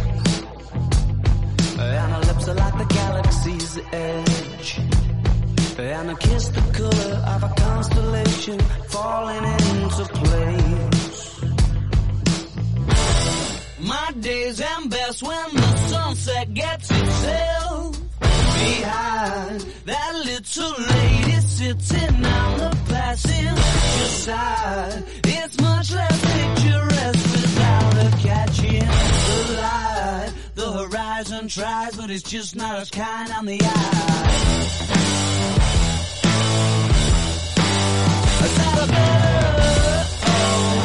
Frábært lag með hljómsveitinni Arctic Monkeys tvölegur hér á, í uh, þættinum tíu bestu á þessu fína degi í, í júni mánuði þrjár gráður úti og sól hjá maður setur Berglind Ósk Guðmustóttir um, Berglind, við erum búin að vera svolítið að veltaði fyrir okkur svona á, öðruvísi þú veist, hvaða gerist eða gerist ekki þú kemst og hvað þú ætlar að taka fyrir og svona, svona við erum að reyna að tala um þetta svolítið svona á, á, á svona öðruvísi nótum heldur en einhver svona leiðilegum pólitísku nótum er það ekki bara það sem þú ætlar að gera? Jú, jú, algjörlega. Og Já, ég held að það sé mjög mikilvægt að fólk kynnist stjórnmálamönnum sem manneskjum. já, ymmit Ekki bara sem, sko, manneski ykkur súti, sko. Nei, Uh, ég væri til í að verða í rauninni kannski bara opna svolítið sjálfa mig já, gagvart fólkinu, það er samt svolítið erfitt. Uh, Já. við kynum það að það er það er ekkert gaman að lesa stundum kommenti sem fólk er að skrifa á Facebook um mann sem það ekki mann ekki neitt sko. Nei. Uppáhaldskommenti mitt samt að, að eilifu verður hérna uh, ég kýs ekki lögfræðinga ég kýs bara fólk ég sem bara ok, ég er ekki fólk. Þú ert ekki, þú ert ekki manneskja. Ég er ekki manneskja. Nei, ég talaði um í vélmenni. Já, frammi. Það, það er svona svolítið þetta og ég held Já, að við já. séum, sko við erum búin að fjarlægast svolítið stjórnmálamennina. Mm. og ég held að partur í því að við erum að, að uh, yngja upp og, og fá nýtt fólk er vonandi að þetta verði bylgja af svona manneskjulegri stjórnmálum. Já, ég er alltaf, ég vona það. Mér Já. langar að taka svolítið þátt í því. Mhm af því að maður heyri sko sögurnar að það náttúrulega fólki stendur í pontu og það er að sko auðsa fúkur með yfir hvort annað sem að enginn hefur áhuga lengur í dag. Það nefnir enginn að hlusta á Það nennir fullara fólk rífast. Nei, svo fer það í matsalinn á alþingi Hæ? Hæ, Þú veist, og bara spjalla um daginn og eigin og, og barnabönnin og bönnin og, og við sjáum það aldrei. Nei. Og mér varst einmitt eitt sko það er fréttakona sem hefur verið hérna, þingfréttamaður bara í tugi ára Mm. hún sagði þetta í ykkur viðtali já, nei, þetta er ekkert svona sko eins og við erum að sína þetta Nei og bara, hvað er þá ekki að sína þetta eins og það er Búa til búa til eitthvað svona, svona mm. mm. og það náttúrulega trausti verður minna minna til stjórnmálamannana og, og, og eitthvað skona sko Mhm. upprópanir um alls konar. Mhm. nú er ég auðvitað að bjóða mig fram fyrir sjálfstæðisflokkin og, og þá, þú veist, koma auðvitað upp bara vini mínir að grínast með það að maður sé eitthvað skona lismæðu spillingar eða eitthvað svona, veist, sem er kannski fyndið, en þetta er samt ekki grín sko, Nei. því það er fullt af fólki sem upplifur þetta þannig Mm. og ég er bara 27 ára Mm. ég, ég hef ekki tekið þátt inn í spillingu veist, þetta er bara eitthvað svo glórulust Já. En sko, ertu að tala um að þú vilja fá kameru í matsalinn? kannski, kannski bara podcast Já, podcast í matsalinn. Lefa fólki, en, en sko, ég skil hvað átt við, en, en, en svo má líka ekki gleyma einu. Það er það að, hérna, þegar að uh, kommentakerfi voru leið fyrir einhverjum árum síðan, þá fekk þessi 3% þjóðarinnar verkfæri í hendunar til þessi rífa kjaft. Þetta er bara spurning hversu mikið við erum að hlusta á þennan pínu litla minnihluta. og það er það sem við erum að gera þannig að um, þú veist, þú myndir ekki þú myndir ekki halda ræðu hérna nýri í miðbæ Akureyrar, það sem eru þúsund manns, skilur eða, eða, eða hundra manns. Og þú myndir ekki hlusta á framíköll frá einhverjum tveimur, þremur, þú myndir bara tala yfir það. Já, já, og það er það sem ég er að meina að þú myndir hlusta á klappi frá 97 manns. Þannig að við verum að einbjöta okkur svolítið að því að, að, að þetta er ofbóðslega lítill minnihluti sem að augljóslega líður eitthvað pínulítið illa og er alltaf reitt. Það er bara spurning hvað er þetta að gera? Það er náttúrulega hægt að bara sleppa þér þessa kommentin sko. af því að þetta er svo lítill minnihluti algjörlega. Þú ert ekki, það kemur alltaf í ljós í kostningum kom í ljós í kostningum þú náður öðru sætinu sko, sko með, með, með mjög miklum yfirbyrðum skilur að þessi komment þau skipti ekki neinu máli. Það er bara spurning hversu mikið við látum þetta tröfl okkur.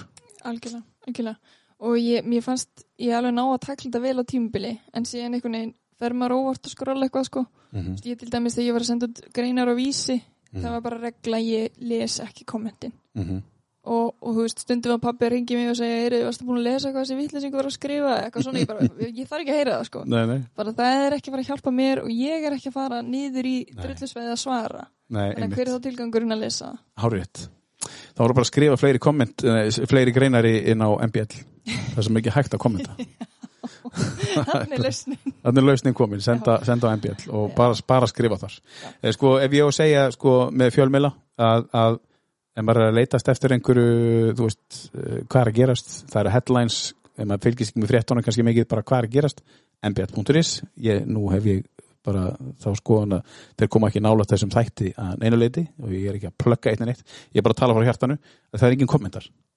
Og, og síðan læti ég hitt í Já. þú veist vegna þess að það er verið að einmitt að búa til.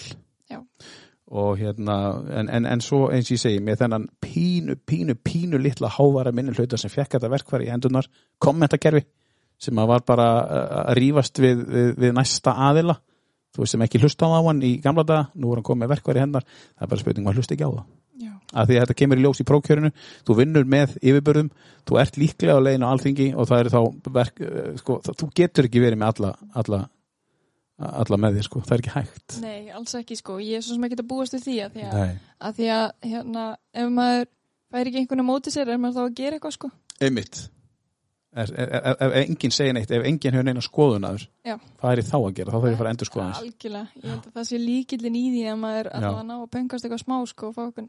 og mynda hennar skráp. Já. bara, ég bara, bara það þarf ekki að lusta Já, ég held samt líka sko eins og með stjórnmálmenn í dag Mm. uh, er, veist, eins og ég tala um að maður vilji svona opna svolítið fyrir það og vera manneskilegri er það, það verður þá líka erfiðara samt að aðskilja stjórnmálumanni frá personinni já, einmitt en svona dálítið þegar stórin ofnbjörn manneski eins og alþingi þá kannski getur ekki ætlast til þess lengur veist, það er innfaldar á sveitistjórnastíginu mm. að aðskilja pólitíkinu frá manneskinu sko. Mm og ég meina og það er það sem þau eru að gera á alþingi þegar þau eru að rífast í pontu og síðan borða þau saman í matsalum það er að aðskilja, en ég held að almenningur kannski náði því ekki. Og svo er líka spurning, þarftu að rífast til þess að koma þínu fram? Um, takk fyrir uh, þetta. Um, uh, en ég ætla að gera þetta svona og síðan að gera það. Og bara, já, herri, þú veist, að vera Mm. Eða það að vera manneskja sem rífi keft og skoða kommentin og hlustar hvað allir eru með þér og móti sko. það held ég að klári þig fljótlega þú myndir alltaf fara þangað. Sennilega. 27 ára bara, ég er bara búin á því ég sprakk eftir 2 ár. En það er alveg hægt sko. jú, jú, alveg bótið. En maður fer, fer, fer rámt að þessu bara, maður veit ekki hvað er rétt sko. Ég, ég, ég treysti því að þú, þú komið staði hvað er rétt í þessu. Og með heyrist á öllu og þú setur með það svolítið á hreinu. Vonandi, eins og með það að setja með það lista. Herri já, þú svolítið með það á hreinu. Uh, þú veist nákvæmlega hvað var var þetta erfitt að setja með hann tíu laga lista? Eða, nei, nei, nei, alls ekki sko. nei. Svo hugsa ég bara ef ég er að gleyma ykkur þá bara er ég að gleyma ykkur. Já, einmitt, skiptir ekki máli þetta er bara lag. Já, það var pingur þannig sko, ég, mér þykir mæntum með þau öll og já, það getur ekki verið eitthvað rátt í þessu byrj nei, það er á rétt. Hvað er að taka næst? Herru, næst ætlum við að taka uh, eitt væmið, No One's Gonna Love You. Já, með það er svona, hérna hellanir eða sko fyrirsögninir er svolítið misvísandi, svolítið kannski eins og fyrirsögninar og fréttamennir mm og þetta er kommentakerfi. Þetta er kommentakerfi. En hérna, já bóðskapin er fallegur. Uh, Band of Horses um, frábær hljónsut um, þetta lag No One's Gonna Love You þetta er kannski ekki þekktasta lagin með þeim en þú er búin að hlusta þá svolítið á Band of Horses já, já, Já. hlustum á þetta No One's Gonna Love You. Uh,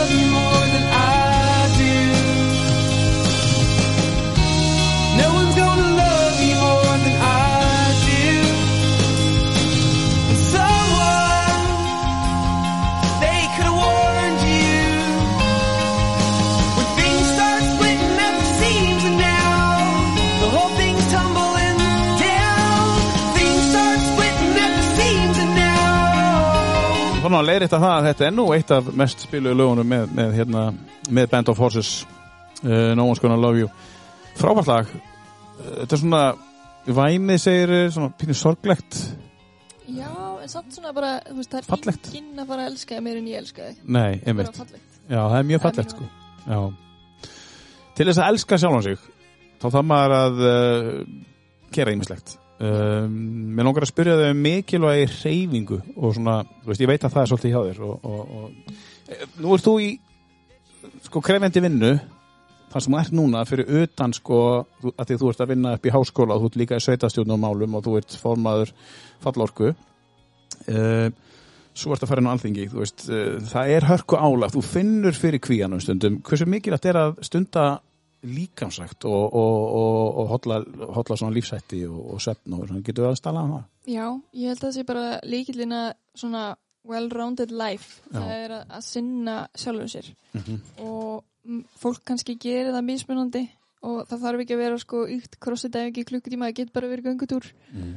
uh, en, en ég finn útrásina rosalega mikið þegar ég fer að teka æfingu og, og alltaf finnist liftingar mjög skemmtilegar Mm. Og svo fann ég crossfitið og, og ég áttaði mig á því sko að á þeim tíumbúti að þá kannski var ég að vaka stundu svolítið lengur af því ég var ein með stelpunum mína. Og, og þá var það minn tími. En síðan þegar ég byrjaði að hreyfa mig þá hafði ég ekki orkuna til að horfa á Netflix í þrjá tíma eftir að hún fór að sofa. Mm. þannig að ég fór að hugsa ok, þá verð ég bara að fara að sofa fyrir ef ég ætla að ná okkur um árangri. Mm. og fann bara þennan gríðarlega mun bara á því að fara að sofa 8 tíma á nætunar Já.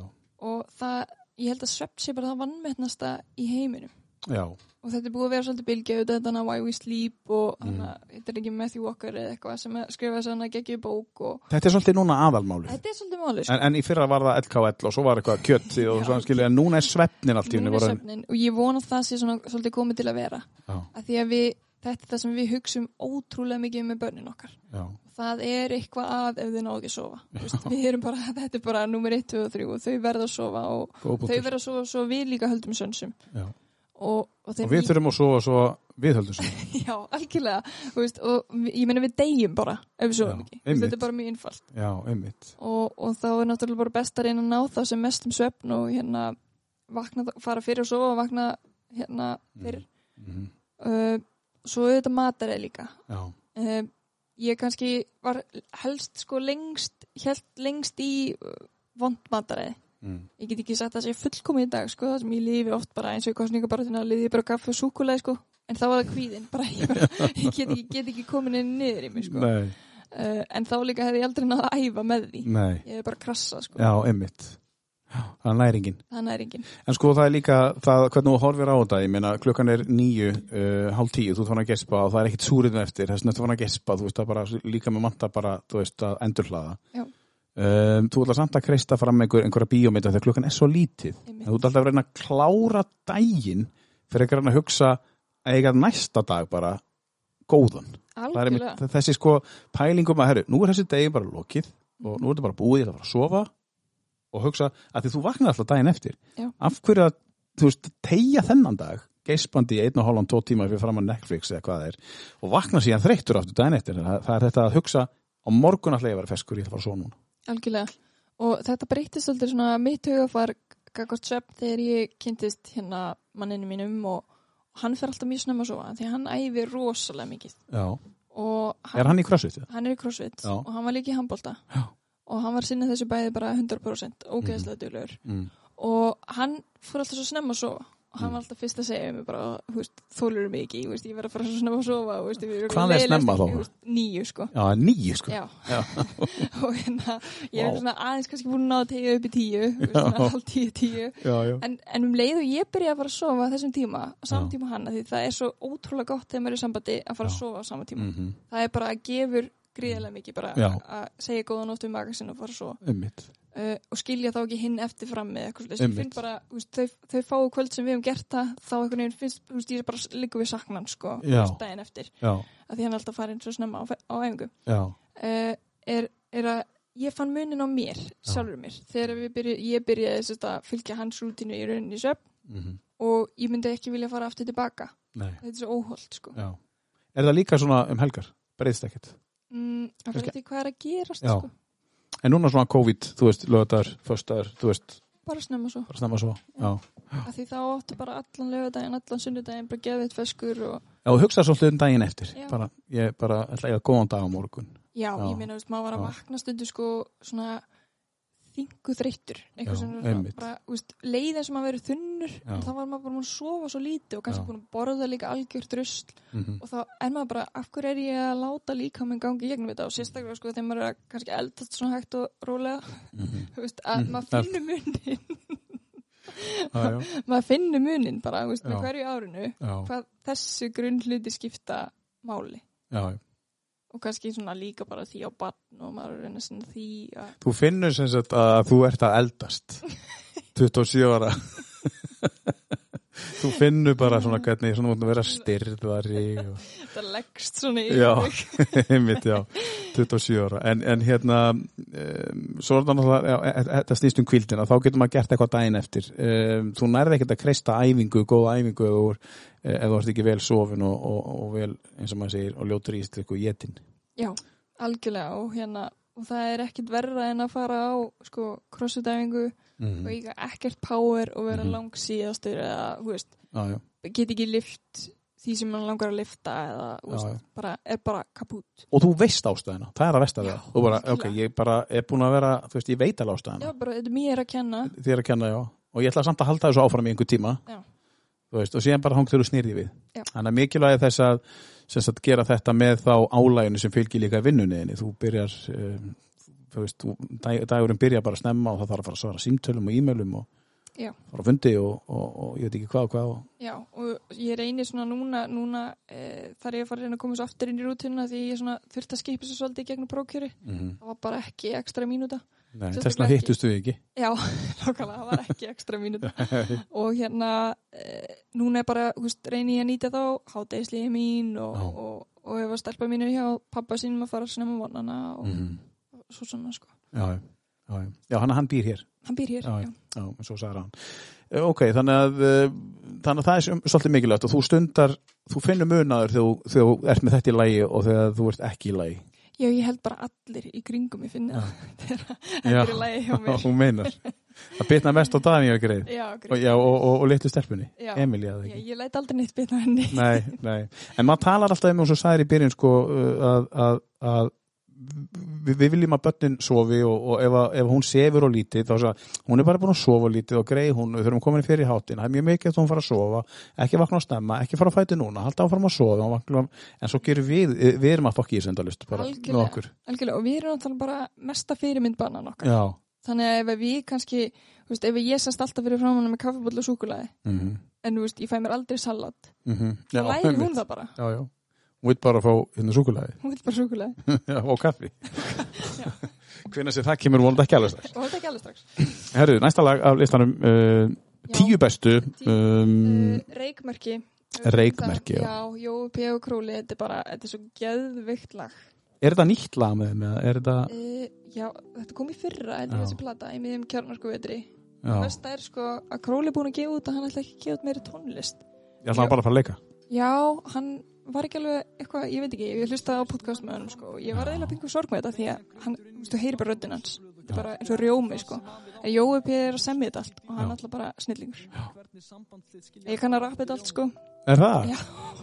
Ég setja nei, nei, ég, bara- ég, ég, ég hef ekki að segja þetta Herðu, já, það er ekki góða fréttir ef að Króli er, að- er, að- að spája hætta. Hann kemur alltaf aftur hann kemur vonað, ég ætla rétt að vona það sko Já, þú finnur kannski svona, kannski Króli að finna eitthvað svona, "Ah, ég verð að hætta því hann er, hann er virkur í leiklistinni og stendur sig vel þar og víst mjög mikið Já. talent, sko. Einmitt, já, og líka bara sko hann er svo ungur, Já, þú er alltaf gaman að Hann- horfa á Söngaborg já, með Króla.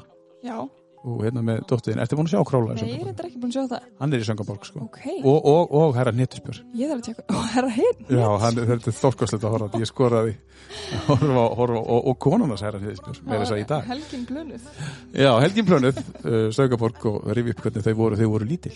En Jói P. var, nei, hérna Króli var svolítið bara svona eins og hann er í dag þá, já, svona, bara svona svolítið virkur og skemmtilegur. Það er frábær, Ég var reyndar í Söngaborg þegar ég var lítil, sko. nú er það? Já, Nú með hvað? e, stu, ekki hugmynd, sko. Ég, Nei, nei. Þetta var hana með, held ég Helgum Möller, hana fyrstu. Já, Og, og ég, ég, þú veist, þetta er svo steikt eitthvað. Að hérna, þetta er bara til Vaffa S þetta. já, já Þannig að ég hef ekki séð þetta mjög lengi, sko. og á, inn á premium Já, er þetta þar? Já, já Ok. Þú getur- Nú, nú, er, nú er bara helgin plönuð sem hún segir bara, bara fylgjast með En við skulum heyra þetta lag uh, uh, uh, lag sem heitir Reykmerki með Jóa P. Króla og Alexander einhverju Erum við það. Verið grænar en þar geta vistnað Vissi ekki hvað ég átti fyrir en ég hafði mistað. Það kom ekki babb í bát. Skipi sökk, þú vildir ekki degin borð. Svo þú skiljanlega stökkst. Ég er ekki kenna þér um En ég hef það samt skýtt. Og ég mun þurfa að læra að elska aftur upp á nýtt. Ég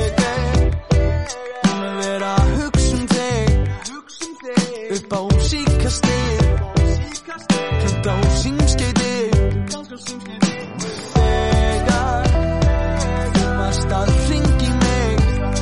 Og ég var ekki að svara fyrst. Ég sé eftir því. Ég er búin að vera að hugsa um þig. Upp á síkastið kanta á símskeiti og þegar þú varst að hringi mig og ég var ekki að svara fyrst ég sé eftir því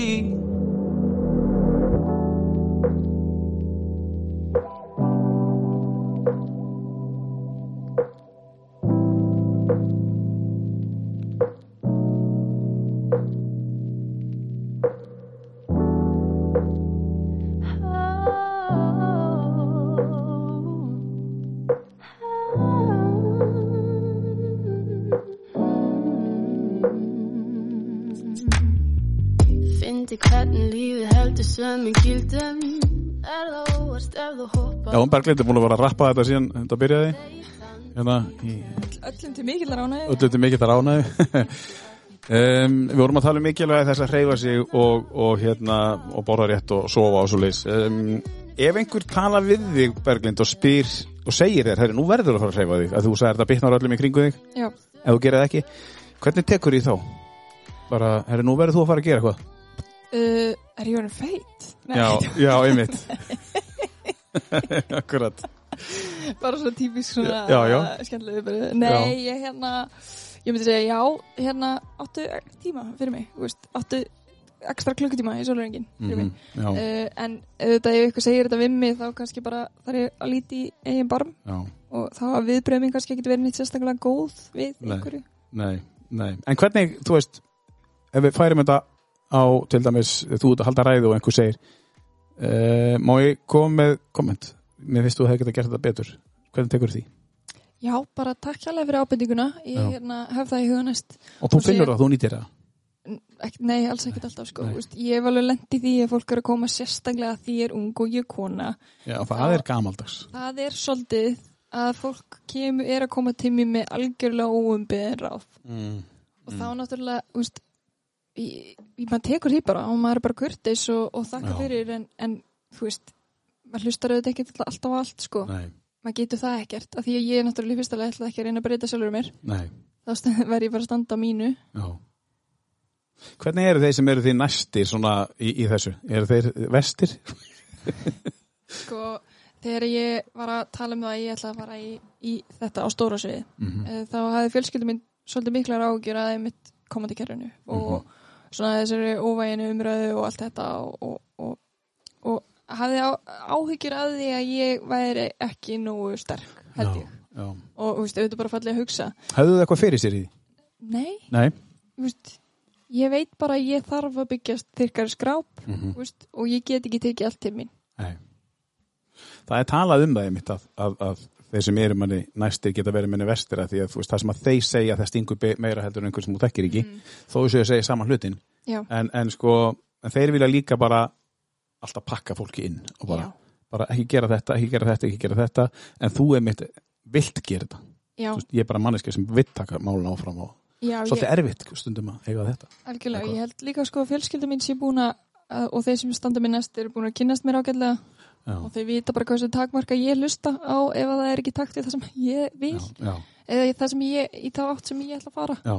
Bara eins og það að mín í nánustu höfðu alveg áhyggjur að ég var að bjóða mig fram bara í annarsætið bara í annars já, af því ég sagði ekki annað til þriðja annað til Mm. ah, Já, ég veit ekki að tala um fyrsta tala um já, ég bauð mig bara fram í annað sko. Já, ég segi bara það er því það er það sem ég vil. Og ég vil bara að það sé skýrt. Já, já. Þú hefði getað staðið og fallið með því bara alla leið sko. algjörlega, þá hefði það bara verið þannig og það hefði bara verið allt í lagi. Já, já, já. Þessin ertu kannski í öðru setinu kannski. Þetta stendur svolítið stendur, svolítið skýrt. En já, þetta sem ég á við er að þegar maður ára svo umræðu við sína nánustu þú veist, eh, eða vini eða þú veist, maka eða hvað það er sko, að, að geta tekið þetta á level að tala saman um aðeins dýpara þannig að þú veist, að að já, herrði, þú veist, og hvernig ætlar að gera þetta? Já, ég teklaði bara, hvernig ætlar að tekla það? Og hvenar ætlar að tekla það? Þú veist, á hvaða leveli, fara bara niður og, þú veist, að því að það er svo auðvelt að sleppa umræðu sem er dýrmætt mjög ofalega í umræðinu bara að segja, allar takla því, ok, ég treysti því, fínt. En þá bara, ef, ef ef þú ferð aldrei neðar í umræðuna, að þá kynnustu manneskinu minna Já. og þá þarfst þú kannski að reyna að selja þínu nánustu hugmyndir að bara þekktu mig aðeins meira skilur þú veist, ég þarf ekki þennan þessa innpökkun eða ég vill annarsætið það því að ég vill fara beint í annarsætið og ég þóli kommentakerfin og eða fattar mig? Já, já, að það er alltaf að vera, þú veist, bara það er þessi nánustu sem að geta eins og ég segi sem geta verið manni vestir, sko, þó þau séu manni bestir alltaf, Jú, skilur við jú, þú veist, það er bara þannig, sko. Algjörlega, og ég fann kannski munin svona, að því að pappi hann á nýja konu, eða hún er ekkert ný, hún er bara, þau eru búin að vera saman núna í þrjú ár Mhm. og hérna, hún kannski var mest svona vókal um þessar áhugjur já, já, einmitt. Og ég held að það hefði verið að því pappi vissi að það myndi ekkit hafa upp á sig að, segja kannski það sem hann hefði ágjur eða kannski bara vissi að ég myndi tekla það, mm kannski meira á það. Já, og, og ég þurfti svolítið að, fullvisa hana miklu meira en pappa. Já, hann já, hljóma eins og hann hefði meira ágjur þó svo ég vissum að pappi hefði alveg miklar ágjur já, þá kannski var það meira hann þekkti Mm. mig betur. En Það lítur að vera að fólk hafi eh, í gæsalöpum áhyggjur eða svona, þú veist, svona þegar þú ert að fara á þetta, þetta er risa svið sko. þú veist, þú ert að fara á uh, þú veist, bara stærsta svið þannig að þú veist, eðlilega þá bara hefur fólk sem er næst er pínu skoðanir já, og bara, ok, ég þarf að koma minni skoðan og framfæri en ég veit hún vill ekki heyra eitthvað samt að segja það. Já, svolítið svo leis Já, einmitt. um, en þú fest eins og var að ráða listan einum alveg og, og það Já. var enginn sem kom það álægt var í enginn sem hafði neitt að segja um það. Það er pínu frelsi. Það er frelsi. Og þú vilt hafa þetta svona. Ég vil bara, ég vil hafa, þetta er listi minn og ég Já. ger þetta svona. Já, og, og, og þessna ert í öðru sæti. Þessna varstu með yfirburum og þessna áttu líklega leiðin á alþingi já, mögulega leiðin í hérna, hérna menta, menta einhver staðar innan menta, menta sem, sem, sem, sem, sem einhver yfirmaður vonandi. Vonandi. Það er gott, þá, get ég, þá er bara einn e-mail bara á þig. Bara, heyrðu Berglind. Já. Já, það var mjög gott sko. Já, það er svona gott í takt við þetta? Það er hann að laga listanum Hate it or love it. Já, einmitt. Þetta er reynda svona PR-lag sko þegar maður er að lifta og maður er alltaf að lifta ykkur þungu sko. Já, en þetta er pingu attitút sko. Þetta er attitútið þetta er pínu attitútið í, í þessu. Já, já. Ég, ég kann líka rappa þetta sko. Þú það kannt vil líka enginn rappa heyra það heldur Já, ég veit ekki, það er bara það er spurning, ég er forvitir og svoleiðis þarna er ég, þarna kviknaði forvitin mín sko. Þetta er The Game of 50 Cent, þetta er eldgamalt þetta er hálf old school. Þetta er orðið einna öruglega 10-15 ára, það minnst það kosti minnst það kosti Hate it or love it Tossed and turned in my sleep that night. Woke up the next morning, niggas that stole my bike. Different day, same shit, ain't nothing good in the hood. I run away from this bitch and never come back if I could. Needed to love it, the underdogs on top. And I'm gon' shine, homie, until my heart stop. Go ahead, envy me. I'm Raps MVP, and I ain't going nowhere, so you can get to know me. Needed to love it, the underdogs on top. And I'm gon' shine, homie, until my heart stop. Go ahead, envy me. I'm Raps MVP, and I ain't going nowhere, so you can get to know me.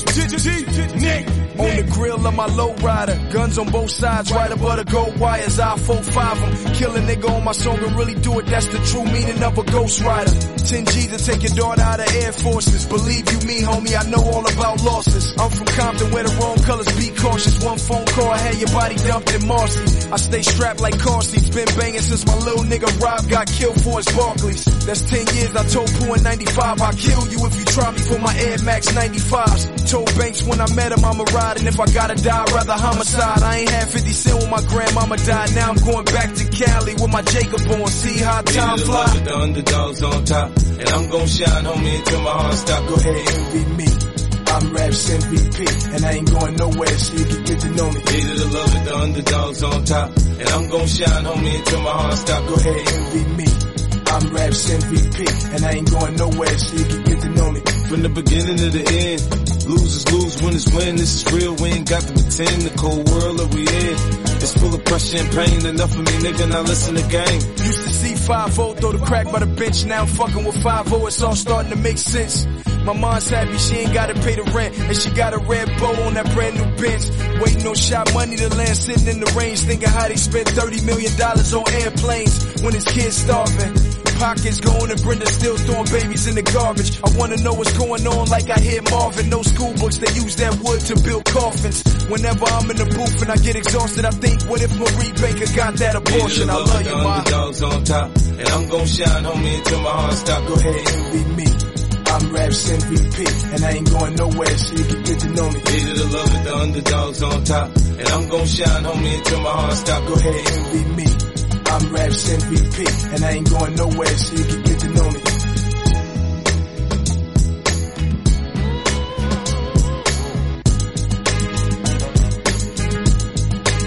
Heyrim hér í uh, uh, dúónu The Game og 50 Cent minnir það ef ég hef einhvern tíðan verið að fylgjast með þessu fyrir einhverju síðan að The Game er einhver sem að 50 Cent bjóð til að Já. ég held, sko, eða svona bjóð ekki til en svona eins og Eminem var búinn til af uh, nú mann ég ekki alveg hvað það var, einhver svona verið, já, Dr. Dre. Já, og hérna, þetta er svona hans afsprengi, 50 Cent náttúrulega orðin hættur að rappa, hann er, hann er orðin hann er orðin leikar í dag.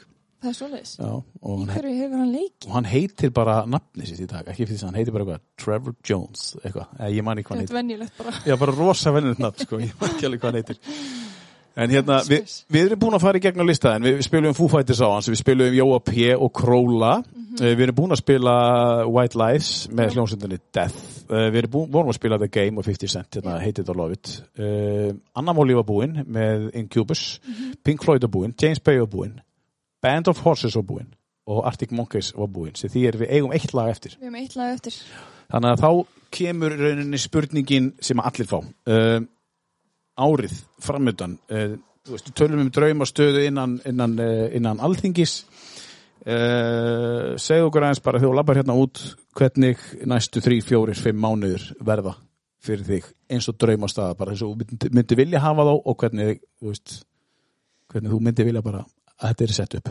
Uh, ég myndi vilja vinna gott skipulag fyrir næstu mánuðina og ég myndi vilja vinna það bara mjög hratt af því Mm. það er mikið framöndan og mikið af fólki sem ég þarf að tala við Já. sem ég, mér finnst skemmtilegast í þessu og ég vonast eftir því að ég fá eiga mjög mörg samtöl við fólk Mhm. Því það, er, það er það sem ég finnst ótrúlega gefandi í þessu uh, í pólitíkinni uh, ég vona líka að ég hafi tíma til að hérna, ferðast aðeins með dóttur minni því það er sumari vonast til þess að vera 20. hitti einhver part af sumarfríinu mínu væri ánægilegt uh, Og það væri bara tíu, sko. þó það væri bara tíu ég Já. þurfti ekki að vera í hérna í kápu og úlpu og lókapeysu og, og öllu uh, já það er náttúrulega kostningar bara eftir þrjá mánuði. Mhm.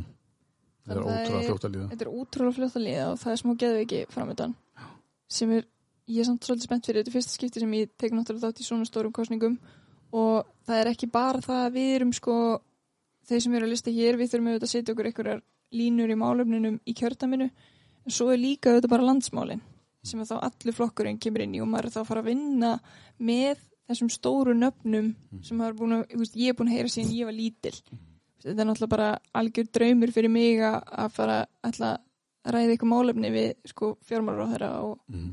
og aðra sko Mhm. þannig að já, ég veit ekki, ég held að þessi svolítið svona surrealist tímumbil að fara að byrja hjá mér Mhm. Uh, ef ég væri eitthvað í stjörnusbyggi þá væri þetta bara allt, bara öll kortin bara upp í loftinu og eitthvað, eitthvað svona en, en hérna, en ég held að líkildin er að maður náðu að setja niður og skipulegja sig Já. En, en það er núna, en, en svona, ef þú horfir fram að jólum, þú veist, jólum. Já, það kemur svolítið ljós bara með búsöðuna Já. hvernig við ætlum að haga henni og, og með stelpuna hvora megin vin- hefur þið vilja að vera? 600, 600 eða, eða 101? uh, það fengir að ráða? ef ég fengi að ráða ég myndi vilja vera mánudag til fimmdags í hundrainum og svo Já. myndi ég vilja vera rest hér Ok. það er bara, veist það er náttúrulega rándýrt að halda tvö heimili sko, Mhm. en að því að dóttir mín á svo ótrúlega gott samband við pappa sinn Mhm. og við erum rosalega góði vinnir og, Mhm. og hefur alltaf gengið ótrúlega vel þá finnst mér rosalega erfitt sko að vera að taka þetta skref og svo náttúrulega þetta bara allar aðstæði breytast og maður fær tækifæri sem maður getur ekki neitað og allt þetta Mhm. bara eðlilegt hjá Já. öllum einhvern veginn Já. en þá held ég að ég, ég þurfa að halda sem best bara utan um þetta Já. Þetta sé algjörlega illa bara öllu Svolítið magnað, þú ert að tala um sko, það liggur fyrir, þú veist, eh, að komast inn á háa alþingi og þú ert að vera í stærstu kostningar sem eru bara næsta, næstu kostningar sem eru stærri en það eru fórstakostningar. Uh, þetta er bara stærsta. Þú ert að fara inn í, inn í svona, svolítið, órannsaka svæði eitthvað svolítið, samt, eh, vilt, eh, samt útskýra það kannski svolítið mikið hvernig þú ert í grunninn þegar þú talar um að þetta sé mikilvægsta. Að þú haldir þessu sambandi við sko þinn fyrirverandi þú veist að börni haldi. Það útskýri kannski svolítið mikið í grunninn Berglind, af hverju þú náður öðru setinu að þú vorst að reyna að finna sko, ég þarf að finna einhverja leið, við vorum að tala með í byrjun. Kannski er þetta uh, hugsunin á bakvið manneskjuna sem að kemur auð þangað sem þú vorst að fara. Mögulega. Þú veist mögulega. Mm. af því að þetta er mjög fallið hugsun. Og, og hérna, af því hún er ekki algeng getur þér. Og, og hérna, það hefði verið svo auðvöld að segja draumastæðan er að fara með mína fjölskyldu og dóttir mína og, og Daniel bara söður og búa í hundur og einum og þú veist, það hefði bara verið eðlilegt. Og finna sín einhverja leið til þess að fljúinni og eitthvað, hún er fimm ára og eitthvað. Þú veist, það hefði verið svo auðvöld að fara þessa leið. Þú má fljúa hún er fimm ára en þú að hugsa um þetta. Já. sem er bara, Já, ég finna alveg að sumir eru svona óþálumóður yfir því að þetta sé hugsunum mín sko. Uh, en, en þetta er bara það sem skiptir mig mestu máli. Já, og þetta verði sem farsalast ég, mér veist ég ekki geta tekin inn ákvörðinu búsetu fyrir en að það er ljóst hvernig við ætlum að hafa þetta með stelpun okkar að því að, mér veist eiginlega allar ákvörðin sem ég tek hérna frá þú veist, þurfa að vera með hennar hagsmuni að leiðljósi Mm. ég, ég spurði mig gegnum alla þessa kostningabaratu frekar oft Mm. er þetta rétt gagvart dóttur minni Já. og ég þurfti svolítið að sannfæra mig og ég efast ekki um það, bara eins og maður heyrði útvarsviðtal við annan ungan frambjöðanda bara, hvernig hefur þú tíma með allir þessi börn og eitthvað svona, þetta er bara viðhóru í samfélaginu og ég, þú veist, því miður er algjörlega þannig í hausnum að, þú veist, var pingu að berja mig niður, þetta væri kannski ekki alveg að rétta gagvart henni, en á sama tíma er þetta klárlega það rétta, því ég er alltaf mína drauma, ég er að setja henni fordæmi, reyna að vera fyrirmynd fyrir hana, ég er líka að- fara á alþingi að því ég trúi því að ég geti gert samfélagi betra fyrir okkur öll þar, á- þar á meðal dóttur mína. Og, og bæta mentakerfið fyrir hana, auka möguleika hennar og tækifæri. Og, og auðvitað líka bara, veist, kannski eitthvað skona fjárhagslegra öryggi, meira fjárhagslegt öryggi í því að auðvitað fara í þetta hálaun skilur þó að sé þetta mikið vinna og þe- þetta mikið álag. Þá er ég samt í þetta mikið vinna akkurat núna í þessum þremur auka vinnum sko og, og, og hérna þannig að, já, ég veit ekki ég, ég átti svolítið erfitt með þetta í kostningabarötunni en þetta er bara það sem skiptir mig mestu máli, það er auðvitað bara barnum mitt sko. Og hvernig finnst þér að vera að heyra það bara núna? Þetta er það sem skiptiði máli. Bara, bara, þetta er það. Í öllu samhenginu, sem er Já. svo stórt, sko. já ég veit ekki, mér finnst þetta bara svo eðlilegt finnst, þetta er einn sem eitthvað sens ykkur veginn já. Falleg hugsun, bara gríðarlega. Það er búið að vera frábært að hafa þig, hérna, Berglind. Um, takk fyrir að koma, við ætlum að enda þetta á hérna, einhverju lagi. Já, þetta er þetta lag er tvídugt, rúmlega Já. og þetta er með Travis Mm. þetta er pappastelpulagi sko. Þarna kemur pappa þarna kemur það, við ætlum ekkert að vera tónleika með Travis og, og þetta er good feeling í sumabústæðanum og það er alltaf, rigning á Suðurlandinu þessu sumabústæðanum var Einmitt, já. Já, það er titill lagsins Why does it always rain on me? Já. Þetta er bara aðeinslegt lag og, og feel good.